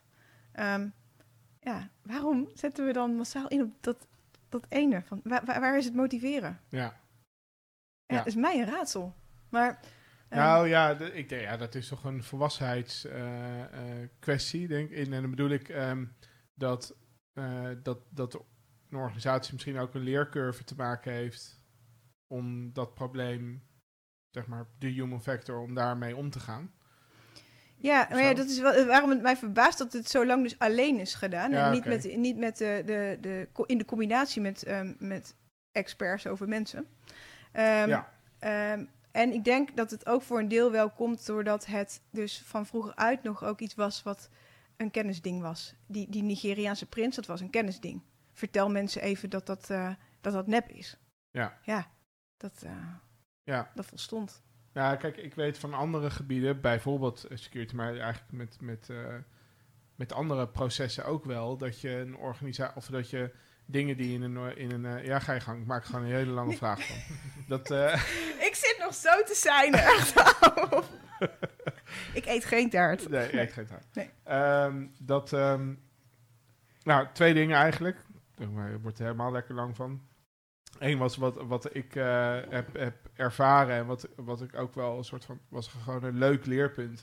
En, eh, wat ik erg grappig vond, was dat, eh, dat nog voordat de human factor inderdaad een ding werd, en dan denk ik dus dat het een jaar of tien geleden misschien nog wel al langer is, toen ontstond een klein beetje de, de opkomst van DLP-oplossingen, Data Loss Prevention. Dus dat is gewoon technisch hulpmiddel, wat dan eh, doel, eh, tot doel heeft om te vermijden dat bepaalde data die gewoon heel erg eh, gevoelig is of vertrouwelijk, dat dat ja, op ver- verkeerde plekken terechtkomt. En ongeacht of dat bewust of, of onbewust gebeurt, of met een reden of per ongeluk, laat ik het zo zeggen, dat ehm, eh, bijvoorbeeld het zetten van data of het e-mailen van data naar buiten de organisatie, weet je, dat, dat een organisatie dat niet wil, dat dan een, een tool er is om te vermijden dat iemand dat toch doet. En eh, de, helemaal aan het begin, toen die tools er kwamen, maar er helemaal nog niet nagedacht werd zozeer over de psychologische kant of, of human factor überhaupt een ding was. Ja, toen liepen er dus organisaties tegenaan van, hé, hey, er lekt dus data. Ja, niet zozeer omdat er een virus is geïnstalleerd, ook niet zozeer omdat er een, eh, ergens een, eh, een poort open staat in de fire, maar gewoon omdat iemand dat ja, doelbewust of per ongeluk eh, gedaan heeft. Dus daar zoeken we nu een oplossing voor. En dan was de oplossing was dus DLP. Dus het installeren van software of een, een of andere weer nieuwe appliance in het netwerk die dat eh, kan voorkomen. Maar volgens loop je er dus echt in de implementatie tegenaan ehm, dat zo'n organisatie eh, al bijvoorbeeld helemaal niet weet ten eerste, wat is dan precies die gevoelige data? Dus dat was al dan heel erg ingewikkeld om te implementeren. En als ze dat al wisten, of misschien voor een heel klein gedeelte eh, ineens toch konden, konden definiëren, dan van ja, wat verwacht je dan precies van de medewerkers hoe ze daarmee omgaan? En weten ze dat ook eigenlijk wel? Dus dan kwam je eigenlijk automatisch vanuit dat riedeltje een beetje in, in, eh, in beleid en inderdaad het overbrengen van het beleid. Mhm. en, en dus in de psychologische kant wel. Maar zo was die tool nooit eh, in eerste instantie aangeschaft. Het was meer van, als een soort van ja, silver bullet van oh, er, er lekt dus data. eh, en dit is data loss prevention, dus die gaat dat oplossen. Weet je wel? Maar er komt gewoon heel veel bij kijken. Dus dat, nou, goed, dat was gewoon een ervaring. om eventjes jou je tijd eh, te gunnen. Dank je. Eh, en, maar wat ik wel heel erg interessant heb gevonden toen, is je gewoon daar tegenaan. Dat, er ook, nog- dat er dus ook organisaties echt zijn die dan zoiets gaan kopen. Maar, maar Het is heel apart eigenlijk. Twee, twee dingen in mijn hoofd. Aan de ene kant is ehm, dat de veiligste oplossing is niet de meest werkbare. Vaak. Nee, Bijna altijd. En ehm, als het gaat over dat je ook echt wil dat mensen het gaan adopteren, ehm, ben je dus eigenlijk altijd op zoek naar dat wat eh, veilig genoeg en toch werkbaar is. En ehm, eh, nou ja, dat, is, dat is altijd best wel een ingewikkelde trade-off. Dat is ook bij fysieke beveiliging natuurlijk zo. En je wil niet door vijf poorten heen moeten voordat je op je werk bent. eh, met allemaal verschillende sleutels en hele lange codes. Dat gaat niet werken. Nee. Ehm, en dat is bij cyber niet anders. Dus we zoeken steeds naar een oplossing ehm, die wel werkbaar is. Als jij een ingewikkelde eh, file exchange program hebt, maar dat is zo ingewikkeld dat jouw medewerkers niet weten, niet, niet intuïtief is, niet weten ho- hoe ze dat dan Ja. moeten doen, waar ze het moeten invullen, eh, hoe dat werkt met die code. Ja, dan heb je een hele veilige oplossing, maar gaan ze hem niet gebruiken. Dat is dus een gelegenheidsissue in, Ja. in, in de theorie. En dat los je dus niet op eh, met kennis zenden, ehm, eh, want het is gewoon te ingewikkeld. Ehm, beter heb je dan dus een, een file exchange dat misschien ietsje minder veilig is, maar nog steeds veilig genoeg, maar wel werkbaar. ja.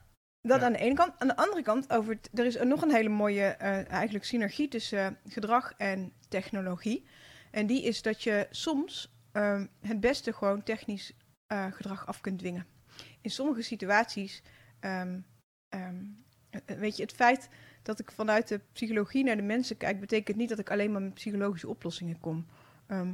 Ik haal ze niet al elke dag door sessies heen hoor, weet je. Nee. En als het gaat over bijvoorbeeld mensen ehm, moeten worden geacht hun badge altijd bij zich te dragen op kantoor.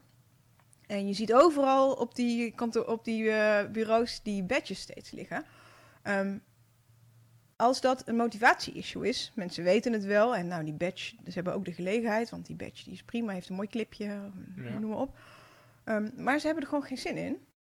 Ehm, ja, dan kan je een enorm lang traject gaan proberen te verzinnen waarin je de interne motivatie verhoogt. Maar ik kan je vertellen, dat is echt heel ingewikkeld. Ehm, wat je dan dus ook kunt doen, is technisch afdwingen dat mensen die badge bij zich moeten dragen. Bijvoorbeeld door ehm, geen koffie meer kunnen halen zonder je badge. Als je je, je badge voor je koffiemachine moet houden, dan moet jij zien hoe snel mensen die badge eh, bij zich gaan dragen. Of tussendeuren plaatsen, waardoor ze niet meer van gang A naar gang B kunnen Ja. zonder die badge. Dus ehm, soms is techniek gewoon de beste manier om een bepaald gedrag te forceren eigenlijk. Ja. Ehm, maar opnieuw moet je dan wel dus eerst weten wat er nu ontbreekt. En als je dus weet dat het een motivatie is, dan zou dit de oplossing kunnen Ja, zijn alleen- bijvoorbeeld. Nou, is deze, is, eh, deze kan ik heel goed volgen inderdaad. Dus, ja, de, de badge blijft overal liggen, dus, dus dat is een motivatieprobleem. Ik weet niet Nee, ik dat, zei eh, stel dat, stel dat het dat een motivatieprobleem is. Oké, dus dat, dat een badge overal ligt, dat heel veel mensen hun badge overal laten slingeren, is dat niet per definitie dan, kan je dan ni- niet al min of meer concluderen van... Nee, dat vul je weer in voor anderen. Ja, is precies. Ja, maar ook als meerdere mensen in de organisatie dat doen, is dat niet... Dat Dat, je- dan weet je toch nog steeds niet waarom. Je weet toch dat ze doen, maar je, je feiten zijn toch... Ja, er zijn liggen overal badges. Dan? Nou, dat ze het niet weten. Dat weet ik toch niet of het gecommuniceerd is. Of dat ehm, ehm, eh, de eh, managers het zelf niet doen en dat het een statussymbool is. Want het begint met de hoogste baas vindt dat hij zijn badge niet hoeft te dragen. Dan denkt de laag daaronder, oh, het is eh, stoer om je badge niet te dragen, want dat betekent dat ik erbij hoor. Maar dat is En ook dat- motivatie? Of is dat gelegenheid? Dat is motivatie, maar de oplossing kan dan een andere zijn dan die ik net gaf. Ja, oké, oké, Ja. goed. Ja, oké. Ja, dat snap ik. Maar dus wat ik, wat ik doe, want dat is wel een belangrijk punt dat je nu hebt. Ik ga dus altijd met medewerkers vanuit de groep zelf in gesprek om te kijken wat ligt er onder dat Ja. gedrag. Wat is de barrière voor jou om dit gedrag nu niet te vertonen? En dat kun je niet van tevoren aannemen. En wat jij nu deed is eigenlijk wat sommige CISO's dus ook doen. Sommigen gelukkig niet. Maar eh, zeggen ja, maar ze, dan eh, willen ze toch gewoon niet. Of dan... eh, Ja, ja, dat weet ik dus niet. en is Ik ga eerst maar eens aan hen vragen. Weet jij wel dat het van je verwacht wordt? Wanneer is dat dan gecommuniceerd? Wordt dat nog wel eens benadrukt? Heeft je manager daar wel eens iets over gezegd? Word je erop aangesproken? Ehm, Ja, maar dus het is... Het, oké, En betekent het dat een soort van weten wat er van je verwacht wordt, is dat wel een soort van uitgangspunt dan? Als je, Als medewerker bedoel Ja. je? Nou, dat is één van de vragen. Ja. Weet je dat het van je verwacht wordt? ja, Maar ook wat vind je er dan van? Is Ja, het wel precies. haalbaar wat ze van je vragen? ja, Ze kunnen wel van jou vragen dat je iedere keer je computer lokt als je wegloopt. Maar als je in een fabriek werkt, waar jouw scherm steeds open moet zijn om ehm, bepaalde machines in de gaten te houden, dan is dat niet een realistische vraag. nee, Gelegenheid. Kunnen mensen hun computer gewoon niet lokken, omdat ze sneller bij een bepaalde lopende band moeten zijn dan wanneer ze heel dat wachtwoord intypen, om maar iets te noemen. ja. En eh, ik heb ook een keertje meegemaakt dat ik eh, in een ziekenhuis zelf eh, was. Ik had niks. Ja, ik kreeg een kind, maar dat was wel, was leuk. En, eh, en er was gewoon de computer in mijn... Zie je eh, hoe ik me inhoud nu? ik had niks, nee. ja, ik had niks. Nee, precies. Nog niet. Nog niet? Nee. dat zat eraan te komen. Dat, eh, dat was de sfeer ook. Nee, geintje.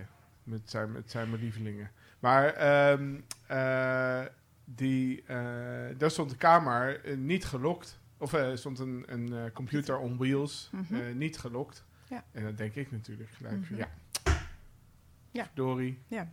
Dat dacht ik niet hoor. Want ik dacht wel toen van ja, maar misschien is het, als er een noodsituatie is, is het gewoon niet feasible, niet haalbaar om, eh, om, om ja, tegenaan te lopen dat je hem niet geunlocked krijgt. Nee, maar dat Dus kan dus, afhankelijk van een situatie, eh, kan dat zo zijn. En dat weten CISO's soms niet, omdat het voor een CISO heel ingewikkeld is om, zeker voor een grote organisatie, op alle lagen van de organisatie te weten wat er wel en niet feasible is. Ja. Dus dat is exact de kracht, denk ik, van met die mensen in gesprek gaan en van een traject zoals ik ze doe voor klanten. Want ik heb wel de tijd om naar die mensen toe te gaan en te kijken of dat wat van ze verwacht wordt eh, haalbaar is. En stel je nou voor dat het in het geval van die ziekenhuiscomputer niet haalbaar is om, om bepaalde medische redenen eh, om die steeds te lokken. Dan kan je er bijvoorbeeld wel voor zorgen dat daar ehm, geen verbindingen zijn naar data, ehm, meer dan nodig, ehm, eh, meer dan strikt noodzakelijk. Ja, Ehm, zodat die computer weliswaar open staat, maar dat je er eigenlijk verder helemaal niks mee kunt. nee. Ehm, een andere oplossing, ik had, ik had ook een keer eh, een organisatie waarbij een computer niet gelokt kon worden, omdat ze steeds bepaald, een, een bepaald proces in de gaten moesten houden op een scherm. Ehm, wat daar de oplossing was, was gewoon een losstaand scherm ernaast zetten. ehm, met alleen die informatie erop en, Ja. en dat loskoppelen van die computer. Ja. Ehm, en dat ter beschikking stellen eh, maakte dat die mensen daarna wel hun computer konden gaan lokken. Ja. Ehm, maar daarvoor moet je beter aansluiten bij die behoeften van die groep. Wat, wat is hun barrière om niet aan die regel te voldoen? Ja. Weten ze hem niet? Nou, wel in dit geval. Eh, willen ze het niet? Ja, ook wel, maar ze kunnen niet. Gelegenheid, omdat ze andere redenen hebben. Ja. Ja. Ja, goed. En wat ik net wilde zeggen is van... Ik weet dat ehm, bij een hele processen eh, zou ook in eh, gewoon, eh, laten zeggen, het ISM, ISMS-proces, dus Information Security Management proces, oftewel hoe ga je in je organisatie om met informatiebeveiliging, heb je zo'n soort van, hoe zeg je dat, capability maturity matrix. Dus ja, hoe volwassen ben je daarin? Hè? En dan begin je bij nul, dus ja, ad hoc, initial niet, en dan Mhm. reactief en dan, ja, het is, ik weet niet precies hoe al die levels heten, maar dan krijg je een beetje een soort van, eh, wat ze in de accountancy noemen, eh, opzet, eh, bestaan, werking. Dus oftewel, ja, er is eh, bijvoorbeeld een beleid eh, opgeschreven, vooral. Ja. Eh, maar vervolgens heb je een beleid wat ook eh, op zich wel... Niemand weet waar. Nee. Ja, ja, Ja, precies. Nou, Ja. Dat is natuurlijk echt eh, dat is het beginpunt, maar dat is eh, gewoon bij heel veel organisaties eh, duidelijk ook echt een fase waarin ze dan verkeren. Weet je, ook, ja, er is, een, is er een beleid? Ja, ergens eh, in de la. En eh, nou, de volgende fase is dan van oké, het beleid wordt ook eh, in die zin nageleefd dat er bijvoorbeeld maandelijks een sessie is of een, een bijeenkomst van een soort van team is om over het beleid te praten en over nieuwe gebeurtenissen en dergelijke. Maar tot slot is het, gaat dan over werking van hetgeen wat we hebben beoogd met het beleid, dat, dat werkt ook op die manier. Hè? Mhm. en, maar dat is pas de hoogste fase van volwassenheid. Mhm. En dus wat ik, wat ik net probeer te zeggen, eh, met, ik kan me ook voorstellen dat het omgaan met de human factor, dat, dat we nog met z'n allen aan het leren zijn van hoe organiseer je dat nou precies. Het enige is dat het verschil is dat dat opzet bestaan werk komt bij de accountancy vandaan, gaat heel erg over processen. Informatiebeveiliging is ook, ook al ben ik het daar niet altijd helemaal mee eens, maar het wordt ook echt heel erg benaderd als, pro- als een proces wat gemanaged eh, moet worden. Alleen dit, de human factor als zodanig, is, zit er eigenlijk overal dwars doorheen. Dus daar ben je niet echt aan het, je bent dat niet aan het managen als iets wat, waar je elk kwartaal of zo eh, met elkaar naar kijkt, denk ik. Nee, maar het, het is denk ik een cultuurding, wat je nu noemt. En dat je, ehm, eh, wij zijn nog heel erg bezig met hoe krijgen we die eh, security awareness, eh, information security, ehm, in de genen eigenlijk van de medewerkers. En ehm, er zijn organisaties, afhankelijk een beetje van de branche, waar dat wel degelijk heel goed gaat. En daarom geloof ik ook dat we die switch wel kunnen maken. En daar is nog best wel wat voor nodig. Maar als je kijkt naar dingen, eh, eh, organisaties die bijvoorbeeld te maken hebben nou, met processen die ontzettend nauw komen, kerncentrales bijvoorbeeld. Daarin weten de mensen de regels allemaal en volgen ze ze ook heel strak op. En op het moment dat daar eh, een bepaalde eh, switch open staat die niet open moet staan, eh, valt alles stil. En dan weten we dat het heel veel geld kost. Maar ja, we gaan niet verder totdat, we, totdat het weer dicht is, want dat is de afspraak. Ja. En mensen volgen die procedure super strak. In de operatiekamers hetzelfde. In een OK zijn er gewoon regels. En als er A gebeurt, dan, dan is B de consequentie. En daar is geen discussie over. Ehm, dus wij mensen kunnen dit wel. Heel strak die procedures volgen. Ehm, alleen dat moet wel in de DNA en in de cultuur dus eh, geborgd zijn van zo'n organisatie. En dat heeft denk ik met het belang te maken dat het eh, krijgt op dit moment. Eh, zo zie je dus die, die security dingen zijn op dit soort locaties die ik nu noem heel belangrijk. Ik kom op, op, ehm, op plekken waar OT ehm, eh, heel belangrijk is. En dat je dus gewoon de witte lijnen buiten hebt lopen en daar moet je binnenlopen. En nou, zet daar één stap buiten en je wordt aangesproken, onmiddellijk. Ja. Ehm, terwijl ik ook op organisaties kom waar mensen zeggen... ja, maar iemand aanspreken zonder pas? Ja, maar dat is toch hartstikke onvriendelijk. Kan toch niet zeggen van, eh, waar gaat u, eh, wie bent u? Ja, weet je, Ja. nou, dat is een heel groot cultuurverschil. Dus eh, sorry, u moet binnen de lijn lopen... Ja. Ehm, eh, tegen iemand die je niet kent. En in een andere organisatie waar ze nog niet durven vragen van... ehm, kan ik u helpen? Ja. Ehm, en het zijn uiteindelijk allemaal mensen. Dus het feit dat ze dat in die, in die ene type organisaties kunnen... ehm, eh, is denk ik voldoende bewijs dat we dat ook eh, op andere plekken... meer voor elkaar kunnen Ja. krijgen dan nu. En ook met jongere generaties? Of heb je het idee dat dat moeilijker is? Of Waarom niet? ja, weet ik veel. Er wordt toch gezegd dat, eh, dat, dat het zo moeilijk is om de jongste generaties een beetje in het gareel te krijgen of iets dergelijks in organisaties? Over het algemeen? Ja, het, Oh, dit Oh. is heel gek. Moet je, is, is dit je wekker voor de andere dagen? De school, de school is bijna Oh, uit. oké. Ja. Ehm, eh, je middagdutje. Ja. Ja, nu slapen. Ja. Oké. Dan gaan we even door Theo. Ja. Eh, jongere orga- organisaties, jongere eh, generaties. Ehm, het voordeel in ons vakgebied is dat de jongeren, eh, die, de, de jongeren van nu zijn steeds meer opgegroeid met, eh, de, eh, met techniek. Ja. En nu nog iets minder. Ehm, de mensen die nu eh 25 zijn, nou die hebben misschien, oh, hebben die al lang een smartphone? Ja, ik weet, oh, dat ben ik altijd kwijt. Hoe, la- hoe lang hebben we die dingen? Ja, wat was het? 1997? Ja, maar dat we ze echt hadden. Nee, smartphones. Oh, smartphones. Nee, dat was 2007 pas. Ja, nou, dus die zijn, nou ja, maar, maar even, dus er is nog even, en er zijn mensen die hebben vanaf hun twaalfde Ja, altijd Ja. een smartphone gehad. Dus die zijn veel meer gewend om om te gaan met allerlei technische oplossingen. En die voor hen is misschien two-factor al logisch. En, ehm, dus daar heb je al een heel ander ehm, uitgangspunt dan met mensen die nu 60 zijn, die de computer hebben zien komen en die nu ineens eh, alles digitaal moeten gaan doen. Ja. Ehm, eh, eh, die gewoon hun opschrijfboekje erbij willen. En het heel ingewikkeld vinden, two-factor niet uit, uit kunnen spreken.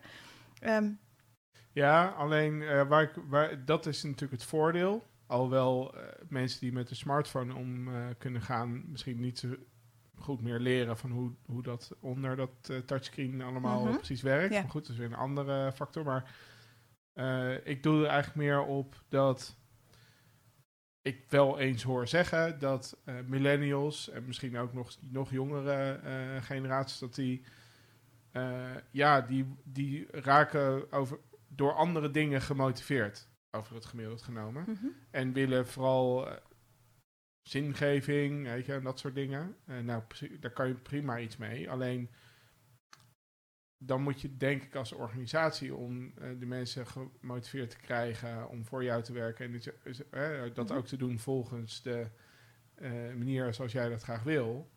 Denk toch uit een ander vatje tappen dan bij de oudere generaties die misschien wat meer gewend zijn om Ja. in eh Ja, de dokter is u. Ja, precies. Ja. Ja. Ehm, ja, maar dat is exact waar ik eigenlijk mee begon. Er is geen Ja. one size fits all. Dus eh, ook als je het hebt over hoe maken we Nederland weerbaar tegen de, de, eh, de sms-fraude, de WhatsApp-fraude die er nu is. Mijn antwoord was, ja, maar dat kan je niet voor alle Nederlanders zeggen. Dat hangt af van leeftijdsgroep, van eh, opleidingsniveau, van, nou, noem maar op, van een hele Ja. hoop achtergrond, eh, ehm, factoren. Dus ehm, eh, eh, leeftijd, generatie is daar absoluut één van. Ehm, maar ja, daarvoor weer heb je dus echt kennis van die doelgroep nodig. En Ja, Ehm, eh, ik geloof heel erg in dat je dat ophaalt door te spreken met de doelgroep. Over het doelgedrag. Dus wat wil je dan van die mensen zien? En dan aan die mensen vragen: waarom doen jullie dat dan nu nog niet? En hoe bereik ik jullie dan wel? Zou je het dan gaan doen als we het zo inrichten en als we het zo vertellen? Of moet het juist uit filmpjes komen van influencers? Of moet het juist uit. eh, noem maar op, wat gaat jou helpen? ja, En dat kan ik nu niet verzinnen. ja. Ik denk dat we heel erg moeten snappen dat wij niet voor anderen kunnen denken hoe zij eh, gemotiveerd worden om bepaalde dingen te gaan doen. Ja, nee, dat, eh, dat, eh, daar kan ik me wel in vinden. Ja, nee, ik, ja. Nou, mooi. Dank je. Ja. Let's do it. Let's do it. Ja. Ja, hey, en ehm, eh, dan is er een ander aspect. En eh, ik, ik verontschuldig me daarbij direct. Want ik, ik weet dat jij eh, onlangs een, een stuk hebt geschreven. Ik weet niet meer precies waar ik het tegenkwam. kwam. Maar het ging over het meten van, van gedrag. Ik heb het al... Meetbaarheid. Ja, ik, ik, ik, je, je- ziet mij denken, maar ik weet gewoon niet welk, welk artikel of waar. Maar ik, ik, ik, ik weet wel iets van meten. Ja, Oké, nou, er vast ook daar, iets over daar ben ik wel inderdaad benieuwd naar. Van, eh, ja, is het dan meetbaar? Ja. Hoe dan? Ehm, ja, Lange vraag Leuk. of lang antwoord? Nee, nou ja, eh, meerdere antwoorden. Eh, wat je ziet is dat het gedrag wordt heel vaak gemeten in vragenlijsten. En dat is, ehm, ehm, heeft veel nadelen. Is, is niet de sterkste manier. Omdat je bij vragenlijsten heb je altijd het probleem van aan de ene kant zelfrapportage. En mensen zijn niet zo heel goed in staat om heel eerlijk te antwoorden altijd. Ehm, eh, toch de neiging tot sociale wenselijkheid. Dus dan heb je bijna weer een awareness test. Lok jij je computer altijd? Ja, je weet dat het goede antwoord is eh, ja. Ja. altijd. Ja, Ook als ik even naar de wc ga, dus ja. Ehm, maar of dat nou ook is wat ze daadwerkelijk doen, is maar de vraag. Ehm, het tweede probleem, dus je hebt aan de ene kant eh, zelfrapportage en dus sociale wenselijkheid. En aan de andere kant heb je een beperking in vragenlijsten, omdat je daar alleen maar kunt meten welke antwoorden je zelf al had bedacht als mogelijke uitkomsten. Want het zijn bijna altijd ehm, multiple choice eh, eh, ja, vragen. Ehm, en dat beperkt je dus heel erg in de kennis die je opdoet met zo'n vragenlijst. Ehm, een aantal gedragingen zijn gewoon eh, heel goed te meten in de context. Niet alle, maar dingen als het ehm, aanspreken van een onbekende op een locatie. Ehm, kun je dus gewoon meten door een, eh, een onbekende op die locatie te laten rondlopen zonder pas. En bijvoorbeeld te kijken in een half uur eh, door hoeveel mensen die wordt aangesproken. En nou, dan kan je vervolgens een interventie doen en een nameting. Dan heb je dus een keiharde gedragsmeting ja, over ik ben eh 18 mensen tegengekomen, 14 hebben mij gegroet, 4 hebben er niks gezegd. En ehm, eh, van die 14 hebben er drie gevraagd wie ik ben of wie ik zoek. ja, Ehm, dat, is een, dat is een hele harde meting van wat de mensen daadwerkelijk doen. Ehm, bijvoorbeeld, ehm, je kunt ook dingen technisch meten. Bijvoorbeeld eh, wachtwoord sterktes. Als je wil weten of mensen een sterk wachtwoord hebben, kun je het ze vragen. Dan Ja. zeggen ze ja, want ik heb Amsterdam 01 uitroepteken. Dat is Ja. super sterk, want het heeft een hoofdletter en een kleine letter. Nou, je je, kunt ken- ook... je kent wel die Netflix. eh, Ja, ja, ja, ja, ja. leuk, Die, hè? oh, fantastisch. Ja. Ja. Michael McIntyre, ja. ja, Briljant. Ja. Ja. Ehm, maar inderdaad, het is heel, daarom is hij zo goed, omdat hij zo treffend is. Ja, precies. Ehm, Ja. eh, ik, ik heb gewoon interviews gehad met mensen die zeiden... ik ben hier al 47 wachtwoorden in dienst. Oké, Dan, ja. ja, weet je, dan weet je echt genoeg. ja, En geef ze eens ongelijk als ze iedere drie weken, vier weken daar... hun wachtwoord moeten veranderen. Ja, ja, ik zou het ook zo doen. Ja. ja. Dus, ehm, ehm, maar de- ik had het over meten. Ja, Nee, ehm, je kunt dus vragen, heb jij een veilig wachtwoord? Dan krijg je dus deze antwoorden. Eh, dat deed ik overigens wel eens in een, in een eh, presentatie. Nou, wie heeft er een veilig wachtwoord? Dan gaan al die handen omhoog. Oké, wie is wachtwoord begint met een eh, hoofdletter? Wie is wachtwoord eindigt op een uitroepteken of cijfers, weet je? En Ja. dan dat een jaartal. Of eh, dan zag je zo langzaam al die handen naar beneden gaan. ja, ja, ja. Er blijft er niks over bijna. Maar, ehm, overigens, even één zijstraat. Dat is dus vaak een capaciteitsding nog. Daar is eh, awareness nog wel een ding. Omdat mensen vaak nog denken in deze tijd dat inderdaad een wachtwoord van tien karakters met een hoofdletter, een kleine letter en een eh, speciaal teken veilig is. Ja. Dus daar is kenniszenden vaak nog wel een, eh, een hele goede interventie. Ja, maar en daar komt dan nog eens bij kijken dat dat heel ingewikkeld is, aangezien daar dus ineens heel erg anders over gedacht is geworden geweest. Ja. Door degene die, eh, die definiëren van wat is veilig Ja. Hè, ergens in de wereld. Ja, maar En- daar zie je dus dat de, de, de medewerker, de, de, de gewone medewerker, loopt dus achter die kennis nog aan. maar de meeste organisaties zelfs. Ook, ja, klopt. De ble- meeste beleidsstukken Ja, en ook... eh, Maar het balkje was helemaal groen. Ja, ja. Ja, we, we, hebben, we hebben, wij zijn er laatst nog bezig eh, geweest. En ik, ik, ik, eigenlijk min of meer toevallig heb ik destijds toen, want het is dan NIST, hè, die eh, Amerikaanse soort ISO-organisatie, die heeft ooit heeft beschreven van, oké, wat is een veilig wachtwoord? Dat is toen volgens iedereen gaan adopteren. En daar komen inderdaad die karakters en, eh, en hoofdletters en dat soort dingen vandaan. Of minimaal, eh, minimale requirements. En ook het, het eh, regelmatig veranderen van het wachtwoord. En toen ehm, was er een soort van heel grappig artikel van degene die dat ooit heeft opgeschreven. Die zegt van dit is de allergrootste fout in mijn leven geweest dat ik dit heb opgeschreven. Daar ben ik nu achter gekomen. Ja. En het spijt me allemaal. Eh, maar dit is de nieuwe eh, policy, weet je wel zo. Ja. En het, nou, niet meer vera- juist niet automatisch laten veranderen. Juist niet zeggen dat een wachtwoord per se dit en dat moet bevatten. Wel de mogelijkheid geven om allerlei verschillende karakters te gebruiken in je wachtwoord. Dus niet zeggen, van, ja, het mag, er mag geen eh, tilde in zitten of zo, weet je. Mhm. Maar, maar niet zeggen dat het per se moet.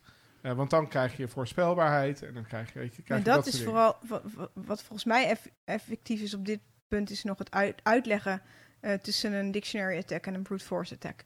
Eh, en zonder die woorden te gebruiken, maar mensen dus uit te leggen dat als je een raadbaar woord hebt, ook al maak je van de aap, aardje een dingen. Ja, ehm, dat dat dus tegenwoordig niet meer moeilijk is. nee. En als je dan uitlegt hoe je dus een veilig wachtwoord maakt dat je ook nog kunt onthouden, dat is wat mensen nodig hebben. Ja. We onthouden even het meten, hè? Ik schrijf even meten op. Ja. Maar dan heb ik wel even een vraag aan jou. Zo, meten, Ja, ja. meten. Ja, we hebben hem hoor. Ehm, wat is jouw advies dan nu? Hoe, wat is een veilig wachtwoord? Want ik hoor daar verschillende. ehm, Eh, over het algemeen, of nou, het eh luidende advies vanuit dezelfde NIS die, Ja. ooit dat andere heeft geadviseerd, wat Ja. we allemaal kennelijk hebben aangenomen voor waar, dus dan is nu het, wat ze nieuw adviseren is ook waar. Dat is dat een wachtwoord uit minimaal acht karakters eh, bestaat op dit moment. En dat is rekening houden met de huidige snelheid Van van, wachtwoordkraken. mhm. Eh, en eh, uit, een, eh, uit alle mogelijke karakters per positie liefst die denkbaar zijn. Dus elke positie mag een 1 zijn, mag een hoofdletter zijn, maar het wordt niet afgedwongen precies hoeveel. Ehm, en en het, het moet niet automatisch verlopen. That's Ja, oké, maar dit zijn dus de technische requirements. Ja. Maar, maar nu ben ik een, ehm, nu ben ik de buurvrouw. En ik zeg, oh, hey Erik, jij bent toch super goed in cyber? Ik moet een nieuw wachtwoord maken. Eh, hoe maak ik dan nou een ingewikkeld wachtwoord en wat wel goed is? Ja. wat zeg jij dan tegen mij? dan zeg ik zorg dat het acht karakters lang is, minimaal. Nou, dan doe ik, ehm, hoe heet het ook weer? Noordhoek eh 01 uitroepteken. Ja. Hartstikke lang. Heb ik Ja. het dan goed gedaan? Eh, nou, ja, weet ik niet. Dat hangt, dat hangt echt wel een beetje van. eh, ik denk in principe dat dat niet verkeerd is. Je, je moet zorgen dat je het niet hergebruikt. En dat, het, dat ook het, het, het wachtwoord wat je voor andere accounts gebruikt misschien niet. Maar als je de hash hebt van, van Noordhoek 01 uitroepteken en je hebt een beetje een snelle computer, dan heb je dat toch in no time. Nou, nee, ja. Dat is afhankelijk van wie de aanvaller precies is die je dan voor je ziet. Maar over het algemeen is het zo dat een wachtwoord wat gelekt wordt en de hash inderdaad daarvan, ja, wordt door iemand gevonden die jou helemaal niet kent of zo. Dus niet, Mhm. niet weet eh, welke woorden er dan logisch of mogelijk een grotere kans maken dan andere woorden. Dus die gaat, Maar je hebt toch je database van eh, woorden hè? In, Ja. je, in, je, in je dictionary ja, eh. ja oké, sorry, ja, ja, nee, er maar dat zijn algemene woorden. Dus dat, zijn, dat gaat niet Staat over daar Noordhoek niet in? Denk het niet. Ah. Maar inderdaad, het woord wachtwoord wordt dan bijvoorbeeld ontraden. Of het woord, als er dus, eh, dat zeggen ze wel, van ja, eh, probeer het wachtwoord wat wordt ingesteld te matchen op, op wachtwoorden die al eens ooit ergens gelekt zijn. Eh, en dan, en, en, ja, dan is het ook niet goed, Ja. bij spreken. Maar, kijk, het, het, het, het, hetgene wat er, wat er vooral, vooral gebeurt is inderdaad het, gewoon het, het, het brute force eigenlijk per positie. Gewoon, Mhm. gewoon doorlopen van alle mogelijke karakters. Dus als het systeem... Ja? Ik snap het niet. Bij Secura hebben wij een woordenboek. Ja. Eh, met, nou, ik weet niet hoeveel miljard woorden Ja. erin. Eh, wat, dat zijn alle woorden uit het woordenboek, alle plaatsnamen. En die wordt continu aangevuld met eh, ondertitels uit films, Game of Thrones, weet Ja. ik veel. Alles, alle nieuwe, alle COVID-gerelateerde woorden, alle Biden-gerelateerde woorden, noem maar op. Het zit er allemaal meteen in. Ehm, wat je doet, volgens mij, is die woorden ha- haal je langs je hash. Eh, die hashes van die woorden haal je langs de hash die je hebt. Ja, Ehm, nou, dat doe je een keer met eh, vooraan een hoofdletter, met achteraan een eentje, eentje uitroepteken, eh 2020. Ehm, daar zit je dan heel snel al op. Dus volgens mij zou het advies moeten zijn dat je probeert niet in zo'n nee, klopt. Dus dictionary. Maar jij inderdaad... zegt nu iets heel anders. Nee, ik, ik, ik corrigeerde mezelf. Je moet, je moet proberen of het wachtwoord eh, niet, vol, niet eh, hetzelfde is als, als een eh, ja, gelekte wachtwoordenlijst. Ja. en ja, dat zijn ongetwijfeld dezelfde woorden die daarin in staan. Maar dat is ingewikkeld, want hoe ga je dat precies dan matchen? Weet je, als je een wachtwoord instelt. Nou, je hoort verschillende adviezen. Er zijn ehm, ehm, organisaties die bevelen een wachtzin aan. Ja, Ehm, nou, die zijn dus zo 24 karakters, wel redelijk makkelijk te onthouden. Zeker als je een paar woorden met een hoofdletter begint bijvoorbeeld en er een cijfer in doet. Ehm, er zijn ook ehm, adviezen over dat je de eerste letters van een zin gebruikt bijvoorbeeld. Dan heb je een korter wachtwoord, maar wel een volstrekt ja. onlogisch woord.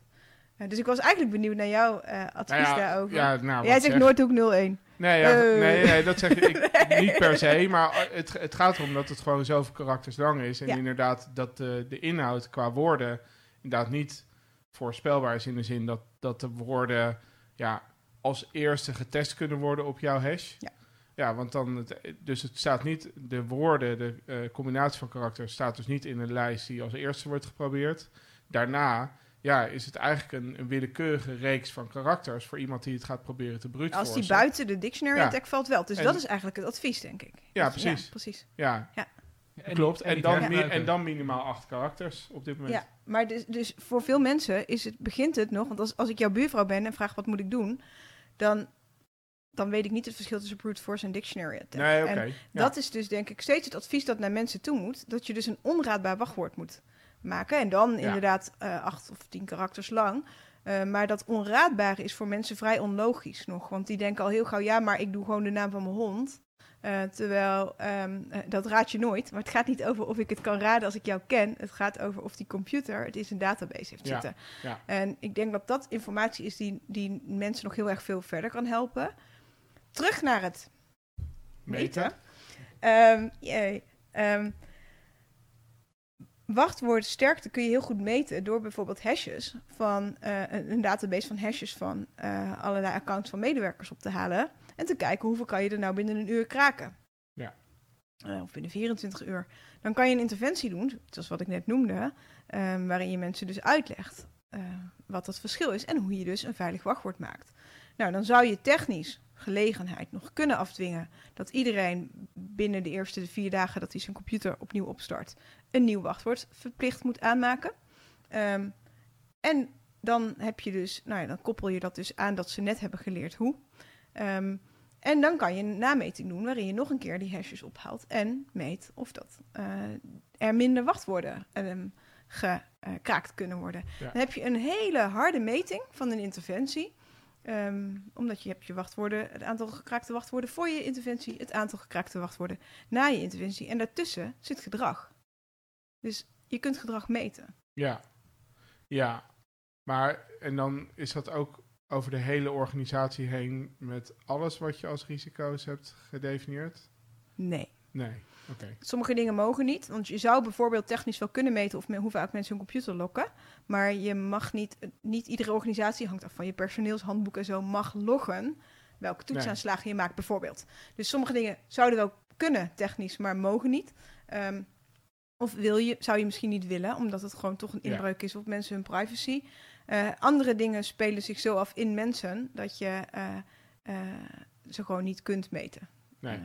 Dus sommige dingen, weet je, ehm, oh, nou ja, die moet je dan vragen. Ja, maar dus je, je meet vooral dan eigenlijk de, de, het resultaat of de impact van je interventie. Dus je, Ja, maar je meet dus ook gedrag. Want je meet Ja. gewoon eh, hoe veilige wachtwoorden mensen nu hebben. En na je interventie hoe veilige wachtwoorden ze dan hebben Ja, precies. gekozen. En bij dat geval van het aanspreken van onbekenden...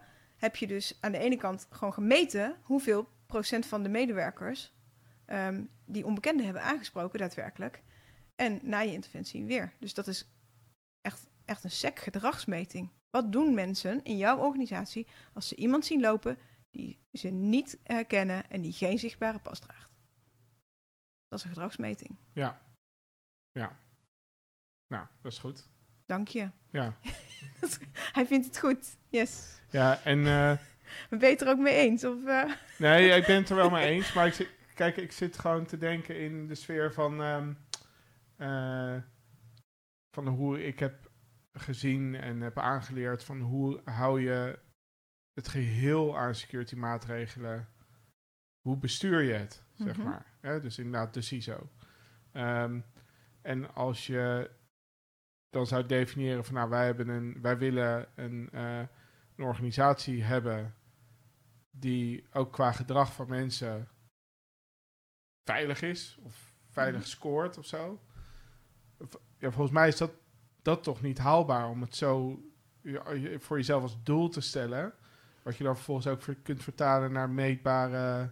Nou, misschien niet helemaal, maar ik, ik, de gedragsveranderingstrajecten die ik doe, hebben altijd een nulmeting en een effectmeting ehm eh, eromheen zitten. Eh, omdat ik het heel waardevol vind om aan te tonen, en dat vinden CISO's ook aan hun boord vaak, eh, wat het effect is van wat je hebt gedaan.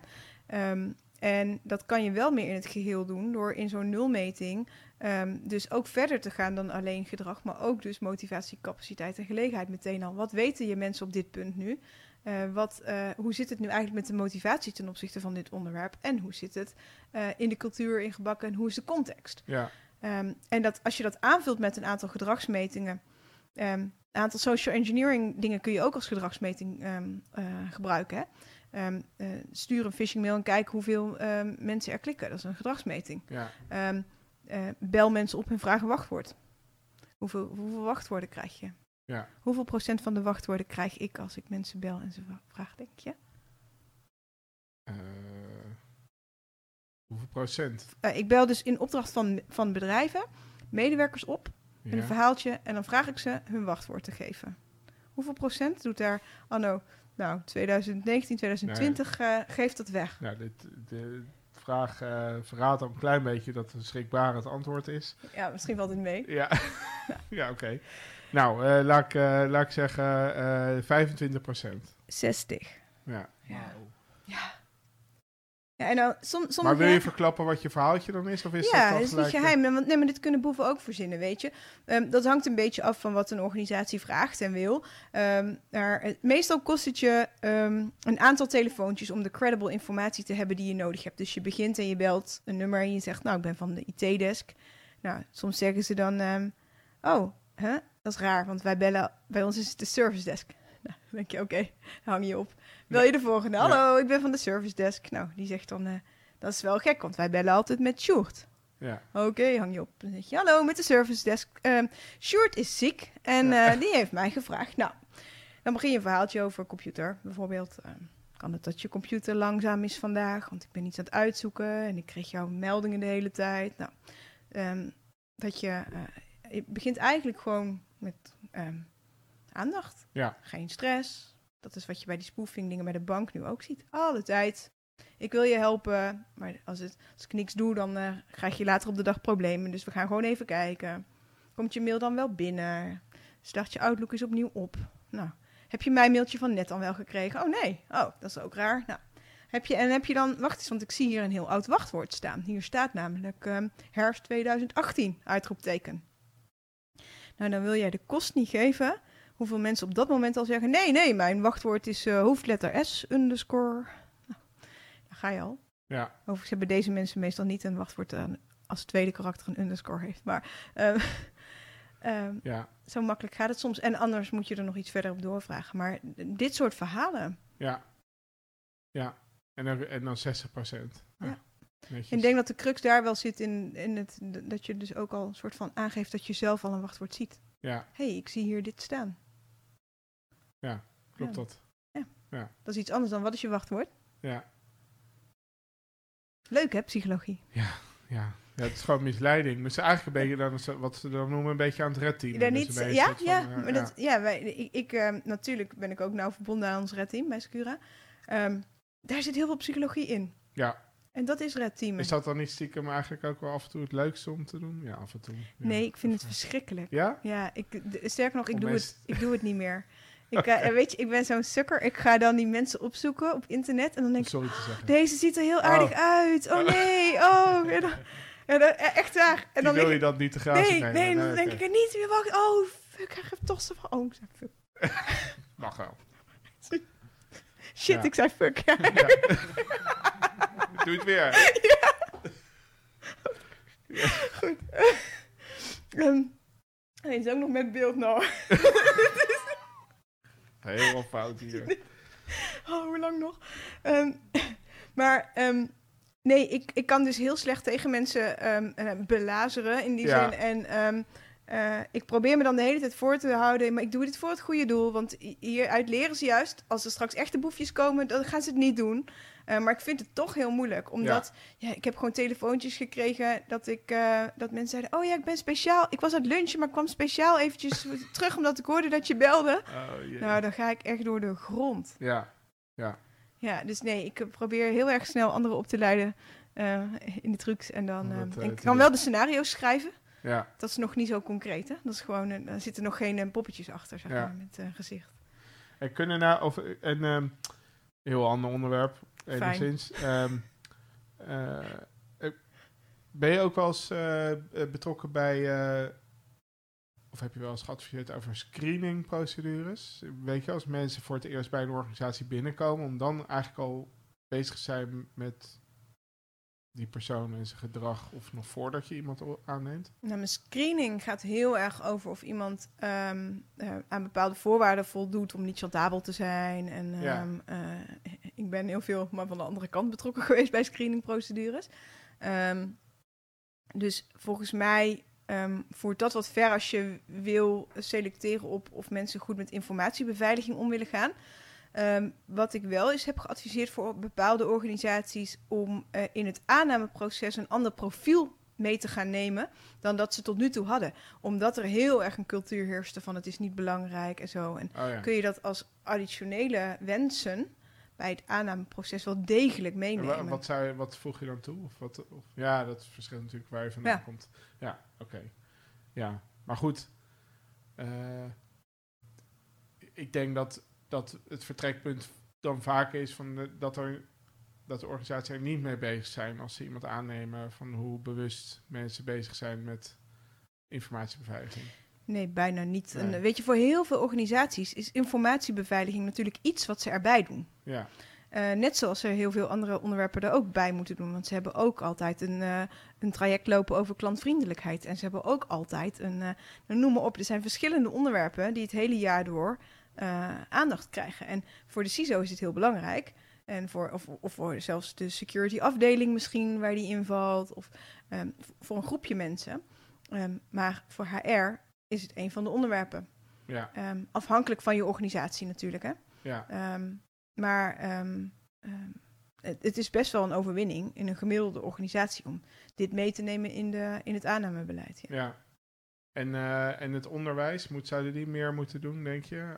Op het ge- bijbrengen van gedrag eh, rondom eh, informatie, digitalisering, denk je? Nee? Hmm. Oh ja, daar ben ik niet, nog niet zo mee bezig. Be- bedoel je dan hoger onderwijs juist? Of ehm, eh, Ja, eh, basisscholen? Of waar, Ja. of waar, waar, nou, ik dacht zelf eigenlijk echt al vanaf basisonderwijs. Maar, nou goed. Nou ja, weet je, ik, ik moet bedenken, mijn eh, zoon was gisteravond, ehm, die had een, gaat een presentatie geven, die is tien jaar oud, die ging, gaat een presentatie geven, samen met een vriendje. En die moesten ze gisteravond eh, voorbereiden en dat gingen ze dan wel eventjes doen eh, via videobellen. Nou, ik wist niet wat ik hoorde, dus ik... en ik hoor hem even later zijn ehm, wachtwoord weggeven. Ik wist niet waarvan, maar ik hoorde alleen maar ja en mijn wachtwoord is... ja. Nou, ehm, en mijn wachtwoord is eh 1, 2, 3, 4, 5. Ehm, dus, ehm, zoiets was het. Dus ehm, eh, even later sprak ik hem aan en toen zei ik, joh, wat deed je nou? En wat was dat? Nou, dat vriendje had, eh, de die wilde zijn PowerPoint dan openen en toen had hij, dan kon hij in zijn online leeromgeving, had hij die PowerPoint staan, dus dat kon hij wel even doen. En toen zei ik, maar schat, dat is een wachtwoord. Dat betekent dat je dat voor jezelf moet houden. Dit is weer Ja. de huizen van de schilder. hè? Ja. Eh, dus eh, ik probeerde uit te leggen waarom een wachtwoord dan uniek is. En, ehm, en toen zei hij, "Maar de hele klas heeft 1, 2, 3, 4, 5. Dacht ik, ja, daar sta ik met mijn hele verhaal. Als de juf ieder kind hetzelfde wachtwoord geeft. ja. Ja, dus daar ha- had ik wel een aandachtspuntje voor de juf. Ja. Ehm, Ja, ik, ik zal niet zeggen dat ik dat per se zo bedoelde ook. Maar ik heb, mijn indruk is inderdaad wel dat, eh, dat eh, scholen, zeker in het basisonderwijs, ja, die zijn dus langzamerhand meer en meer bezig met digitale leermethodes en, eh, en middelen en weet ik wat. Maar als ik, als ik zie hoe daarmee wordt omgegaan, dan denk ik van ja, als het ook in, de, ze- in zekere zin een soort van voorbeeld moet opleveren voor de kinderen van hoe werk je nou hiermee, dan Ja. krijg je heel vaak echt een totaal verschillende of Ja. verkeerde voorbeeld eh, mee. Klopt. Bijvoorbeeld, nou, precies dit Ja, eigenlijk. je ziet wel aandacht voor eh, meer veilig online natuurlijk. Welke websites Ja. ga je wel, ga je niet op. En, Ja, maar dat ehm, zit hem en- dus en- ook dan heel erg in het, in het pushen van, van kennis. Ja. Eh, Ja, en een stukje bewustwording natuurlijk. Hè. Eh, weet dat als jij op een, een of andere chatsite komt, dat er niet de persoon achter hoeft te zitten die, die zegt dat Ja. is. Dat, dat is voor kinderen begint dat met. Dat moet je een keer horen. Dat dat ook iemand anders kan zijn. ja. Ehm, dus daar zie ik wel aandacht voor. Eh, Zeg maar de, de grooming-achtige eh, Ja. eh, waarschuwingen. Van jongens, pas op met wat je over jezelf zegt. Maar pas op met je informatie. Of kies een veilig wachtwoord. Nee. Nee. Ik denk dat het ook, nog een lange weg is. Je hebt ook nog zo vaak dat je, dat je systemen hebt dat je een wachtwoord toegestuurd krijgt per e-mail. Weet je dan log je in en dan hoef je het ook niet te veranderen of zo. Weet je. Dan denk je, oké, Je ziet toch ook zo vaak dat eh, op middelbare scholen de wifi's worden gehackt door scholieren. ja. ja. ja, dat is wel leuk. Wij, wij zijn, Cijferlijsten. Ja. Ja. ja, wij zijn voor het eerst. eh, wij zijn eh, recentelijk zijn wij eh, leverancier geworden van, van, een, van eh, deze dingen. Ik ga, geen reclame maken verder. Het zijn een soort van eh, honeypots. Deze zijn specifiek van, eh, van eh, Things Canaries. En die zet je in je netwerk. En die gaan piepen op het moment dat ze aangeraakt worden. Omdat ze eigenlijk helemaal geen doel hebben verder. Dus op het moment dat ze aangeraakt worden, is er dus kennelijk iemand aan het, aan het eh, rondsnuffelen, weet ik wat. En het was wel grappig dat de eerste eh, klant die zich bij ons meldde daarvoor, dat dat een ROC eh, eh, was. oh, ja, Dus- slim. Ja. nou ja, goed, die hebben er dus kennelijk last van. En het, ook dit is dan weer eigenlijk weer een aanname, maar denk ik vooral last van dat er, dat er scholieren gewoon aan het rondrommelen zijn. Maar als dat ding afgaat, weet je alleen maar dat er aan je netwerk gerommeld wordt. Ja, maar En- dan heb je, kan je daar wel informatie uithalen van ja, waar vandaan dan precies. En eh, weet je hoe dan, wanneer. Ja, dan kan je vervolgens gaan, gaan eh, even met wat meer attentie gaan kijken van wat zien we verder nog gebeuren vanaf dat IP-adres of dat soort dingen. Ja. Dus het is een, een soort van eerste signalering van gaat iets niet goed. Eh, maar vond het wel grappig dat het inderdaad een ROC was Ja. die daar als eerste naar vroeg. Eh, omdat, ja, volgens mij hebben die scholen daar inderdaad gewoon heel veel last van. Dat is gewoon, en dat, ik weet dat, dat volgens mij heeft Rick daar ook iets over verteld. Dat hij had vroeger gewoon, wat, deed hij dat ook hè. Op zijn school was hij gewoon aan het rondhacken. Ja. Gewoon kijken. hoor. En in- dat is trouwens, ken jij, eh, lees je Malcolm Black, eh, Gladwell? Wel Ik ken het natuurlijk wel, ti- Tipping Point, ja. En Outliers ook? Ook, ja.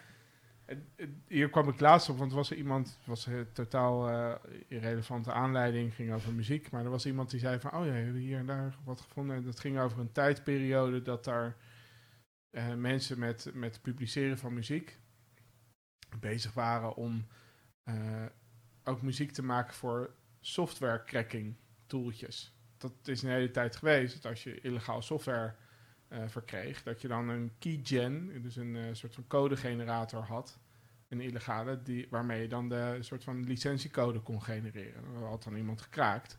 Maar dat moest er dan ook een beetje leuk uitzien. En er moest dan ook een muziekje bij. Dus er was, eh, er was dan zo'n hele community die dat soort dingen bouwde. En eh, dat kwam zo tevoorschijn. Toen dacht ik van ja, dat is ook een soort van outliers eh, periode geweest, volgens mij. Dat, ja, ik weet niet, ergens halverwege de jaren 90 tot 2000. Dat soort van mensen die precies op dat, in die periode een bepaalde leeftijd hadden en met dit soort dingen bezig waren. eh, echt ja, vaardigheden hebben ontwikkeld om op een bepaalde manier met de IT en, en software zo bezig te zijn. Waardoor ze nu eh, ja, eh, op een heel hoog niveau met cybersecurity bezig zijn. Of juist op Ja. een heel hoog niveau met criminaliteit bezig zijn. Eh, maar dat is volgens mij ook wel echt zo'n momentje geweest. Dat, en ik geloof ook niet dat dat meer terugkomt. Omdat als je nu opgroeit, ja, dan is Het is er al, het is staat heel er anders. En, eh, eh, en ja, net met die smartphones. Ja, de mensen die met de smartphone om kunnen gaan, die weten niet noodzakelijkerwijs hoe het internet precies werkt. Of hoe Nee. software werkt. Nee. Dus een ander eh ballgame, denk ik. Ja, eens. Oké. ehm, heb je nou eh, met, ehm, met die... eh, ja, dus jij, jij zegt... Je, je praat heel veel over het veranderen van, eh, van gedrag... in plaats van alleen maar het, ja, opbouwen van kennis.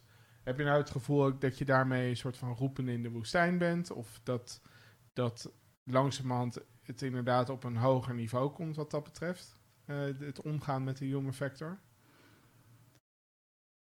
Ja, eerder het tweede. Want ehm, er is steeds meer erkenning voor het feit dat ehm, eh, nou, mensen zien... Aan de ene kant is awareness moe... en aan de andere kant zie je ook dat er in organisaties... maar beperkt effect is van awareness trainingen. Dus dat Ja. is de vraag waar ik eh, tegenwoordig vaak eh, mee geconfronteerd word. Dat mensen zeggen, ja, oké, we hebben dit al gedaan. Nou, dan heb je vaak e-learnings, awareness trainingen. ehm, maar ja, we zijn nog steeds niet tevreden. Of het beklijft niet. Dat is Ja. ook vaak na een training gaat iedereen heel enthousiast een week zijn computer lokken. Ja, en daarna zie je zo, hoe zakt het weer weg. Ehm, dus hoe kunnen we nou verder? Dus doordat er nu een aantal jaar aandacht is geweest al voor die wens, ehm, dat ingevuld is door awareness en dat maar beperkt effect heeft, zie je dat de, de wereld steeds meer klaar wordt voor het inzicht dat je verder moet kijken dan alleen die kennis zenden. Dus ik merk steeds meer dat, ehm, eh, ja, dat eh, het verhaal van gedrag ook heel eh, warm ontvangen wordt. Ja, Inderdaad, je, daar zeg je wat, weet je. Ehm, juist ook door die parallel naar het leven te trekken van... Ja, maar je appt toch ook in de auto, terwijl je weet dat het niet mag. Hoe denk Ja. je dan dat al die medewerkers braaf hun computer gaan lokken... omdat ze van jou een e-mail hebben gekregen? Ehm, ja, zo werkt de wereld niet. Ehm, dus er is steeds meer erkenning voor, eh, voor de stap naar gedrag. En ja, eh, dat is natuurlijk een hele mooie ontwikkeling. ja. Ehm, ik vond het ook zelf wel ehm, eh, het feit dat ik ook podium kreeg op de One, waar dit jaar ehm, maar zeer beperkt. eh, One conference. de One, ja, precies. Van de overheid, toch de grootste eh, Nederlandse cybersecurity conferentie. Eh, er waren maar zeer beperkt eh, aantal ehm, presentaties toegestaan. En daar werd ik wel uitgenodigd. En ehm, puur vanuit het vakgebied denk ik dan al, wauw, dit is gewoon echt een overwinning. Ja, Dat ehm, cybersecurity, wat, wat vo- voor lang werd gezien als iets heel technisch, nu podium kan geven aan nou 15 sprekers. En dat daar dan een psycholoog tussen staat. ja, Dat vond ik echt een kick. Ja, ja. Ja, goed gedaan. dat was Ja, leuk. Het ja. begon met de Zoom-reclame, was dat toch? Die, eh, die Zoom? ja, er was, een, er was een, de eerste sessie van, Oh, ja, ja, eh, ja, van ja, One, dat ging over Zoom. Dus dat dacht iedereen van, eh, wat klopt. precies de afspraak hier geweest? ja, Maar, eh, nee, maar goed, ja, het was wel, ik, ik vond het toch op zich wel goed georganiseerd, moet ik zeggen. Ja. Dus, eh, maar ja, goed gedaan. Goed dat je daar stond. En En vorig jaar stond ik er ook, ehm, toen stond ik er live. Ja, Ehm, dus het is, het is mooi om te zien. wat vond je leuker om te doen? Ehm, nou, ja, ehm, live natuurlijk. Ja. Het is altijd mooi om collega's te ontmoeten. En de interactie met een zaal is toch heel anders dan wanneer je voor een camera staat. Ja, eh, ja, ik, ik mis de interactie wel met het publiek. ja. Dus ik sta nu de komende weken ook weer. Sta je dan voor een groen scherm ergens of eh, dat nog niet zozeer? Nee, Oké. nee, geen groene. Gewoon, eh, gewoon een, een beetje een fatsoenlijke achtergrond. Ja. En, ehm, maar ja, het is toch niet zo. Weet je, Was dat bij, bij NCC niet zo dat het, dat het eh, echt in een studio met groen scherm, Nee. die ik had die indruk. Nee, oh ja, de, maar dat was alleen, er waren een aantal ehm, eh, live en ik had opgenomen. Oh, tuurlijk. Daar mocht ja. je tussen kiezen. Ja. Ja. En ik had, nee, ik hou niet van live.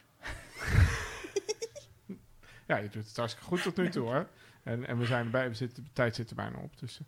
maar de, eh, hoe heet het? Eh, Rick en Wesley, die zijn op Defcon ook eh, ja, verschenen zag dit ik. jaar. Ja, supergoed. Het hebben we hier opgenomen ook. Oh, wauw. Dus, maar dat was ook zo dat we, ik weet niet, heb jij dat ook gedaan? Dat je, dat je echt een paar keer opnieuw de opname hebt gemaakt?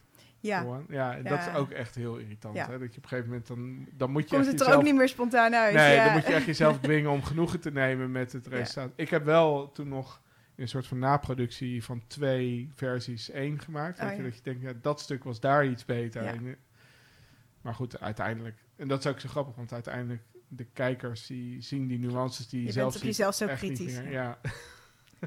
Ja. Maar het is wel leuk. Nou, maar ik hoop dat, het, dat volgend jaar de One weer eh, gewoon eh, plaats mag vinden en alle andere dingen. Überhaupt events, ja. Ja, ja. Dus maar, en is, het, is, is er wel door COVID nog meer, of corona, nog meer, nog meer interesse gekomen in de in de human factor eigenlijk? Want volgens mij is wel de bedreiging van misleiding en eh, criminaliteit op dat vlak is wel heel erg toegenomen de afgelopen maanden. Nou, wat je ziet is, in de eerste golf werd alles een beetje soort van stilgelegd. Ik, had het gevoel dat toch best wel veel bedrijven juist even gingen afwachten ehm, tot, eh, tot de storm over was. En daarna pakken we de boel weer op. En ehm, dat we door de tijd heen gewend zijn geraakt aan dat dingen ook op afstand kunnen. Dus nu begint eh, het heel erg aan te trekken. En de vragen die nu bij mij komen gaan juist veel meer over hoe gaan we nou die mensen op afstand stimuleren om veilig te werken. Ja. Eh, want de, de, ehm, de, nou, als je het hebt over doelgedrag, waar ik er straks eh, over had, die zijn voor thuis toch anders dan op kantoor. Ehm computerlokken ehm, nou, is thuis ka- kan belangrijk zijn, afhankelijk een beetje van je situatie, maar is minder belangrijk dan op een grote kantoortuin. Ehm, terwijl ehm, het gebruik van Zoom versus je, je eh, Microsoft Teams of je WebEx of wat je, wat je daarvoor hebt, is weer iets waarvan eh, heel veel bedrijven zeggen: van, ja, maar iedereen doet nog steeds op de FaceTime. Hoe krijg ik dat er Ja. nou uit? Dus ik zie eigenlijk de, de, de inhoudelijke vragen blijven. Hoe kunnen we onze mensen stimuleren, ondersteunen, motiveren, faciliteren? Ehm, of, of welk van dit rijtje hebben ze nodig? Ehm, gegeven de nieuwe eh, werkelijkheid op Ja. dit moment. En eh, met ook wat minder soort van fysiek eh, gelegenheid om het te controleren of om, Ja. om ja, En ook om die mensen toe te spreken. Want soms hielp het om eventjes Ja. een afdelingsoverleg binnen te lopen. En daar iets te vertellen. Ja, kan niet. Dus hoe bereik je die mensen op afstand? ja. Nou, wat is mijn antwoord dan? ja, wat is je antwoord dan, Inge? Eh, ik ga dat aan die mensen vragen natuurlijk. Dat Ja. zeg ik de hele tijd. Dus Ja, dat kan ik niet voor ze bedenken. Dus ehm, uitgaand van het doelgedrag, eerst heel specifiek benoemen. Maar wat zijn dan je belangrijkste doelen, beste CISO? Nou, oké, je wil dat ze dus ehm, Teams gebruiken in plaats van Zoom. Ehm, eh, je wil dat ze, nou ja, noem maar op, eh, altijd via de VPN werken. Ja. Eh, vervolgens met die, doel, met die doelgroep praten over wat houdt jou op dit moment tegen. En stel je nou voor dat je het niet weet of dat je niet gemotiveerd bent. ehm, hoe kunnen we jou bereiken? Wat, wat zijn de kanalen die jij op dit moment eh, wel tot je neemt? Zou het helpen als we een podcast ter beschikking stellen? Zou het helpen als we een filmpje maken? Ja, Eh, heb je juist een Teams-meeting nodig om tips en trucs te leren? Ehm, soms zie je dat mensen denken dat het te moeilijk is wat we van ze vragen. Ja. Ehm, nou, dan, dan maak je een, eh, een, eh, een live eh, tutorial waar je mensen gewoon kunnen gaan volgen. En je gaat stap voor stap met ze instellen wat ze moeten instellen. Ehm, Ja. Whatever they need. En dat kan je niet invullen, want dat moet je aan de mensen vragen. Want er is geen one size fits all. wow, wat een- ik, dit voelt als een mooie afsluiting ook. Je, zo, zo zet je hem ook in. ja, maar ja, ja. Ik ben er klaar mee. Ja. ja, ja, Oké, nou heel goed, we kunnen afronden, want we zijn toch ook alweer bijna twee uur eh, bezig. Eh, dus op zich wel lekker. Eh, het was jouw enige uitje deze week, geloof ik. Hè? Dus je kan nu weer het hok in en aan het werk. Dus nou, ik vond het in ieder geval hartstikke leuk om nou, je eens ontmoet te hebben. Want dat zeiden we van tevoren Ja. al, van we kennen elkaar wel, maar we kennen elkaar eigenlijk helemaal niet. Ehm, dus nou, dat is bij deze dan gebeurd. Kennis gemaakt en het was leuk. Dus dankjewel voor de komst en al je wijze lessen. Ja, jullie ook bedankt. Ik vond het heel gezellig. Ja, mooi zo. Eh nou, en de uitzending is later nog terug te kijken en terug te luisteren. Gewoon audio only, heel safe. Oh, Dus, eh, ja, echt? Fijn, hè? Oh, Ja, mee. Kan je die gewoon delen. Ja, precies. oké. Nou, eh, beste kijkers, luisteraars, bedankt en tot de volgende Zolder Session.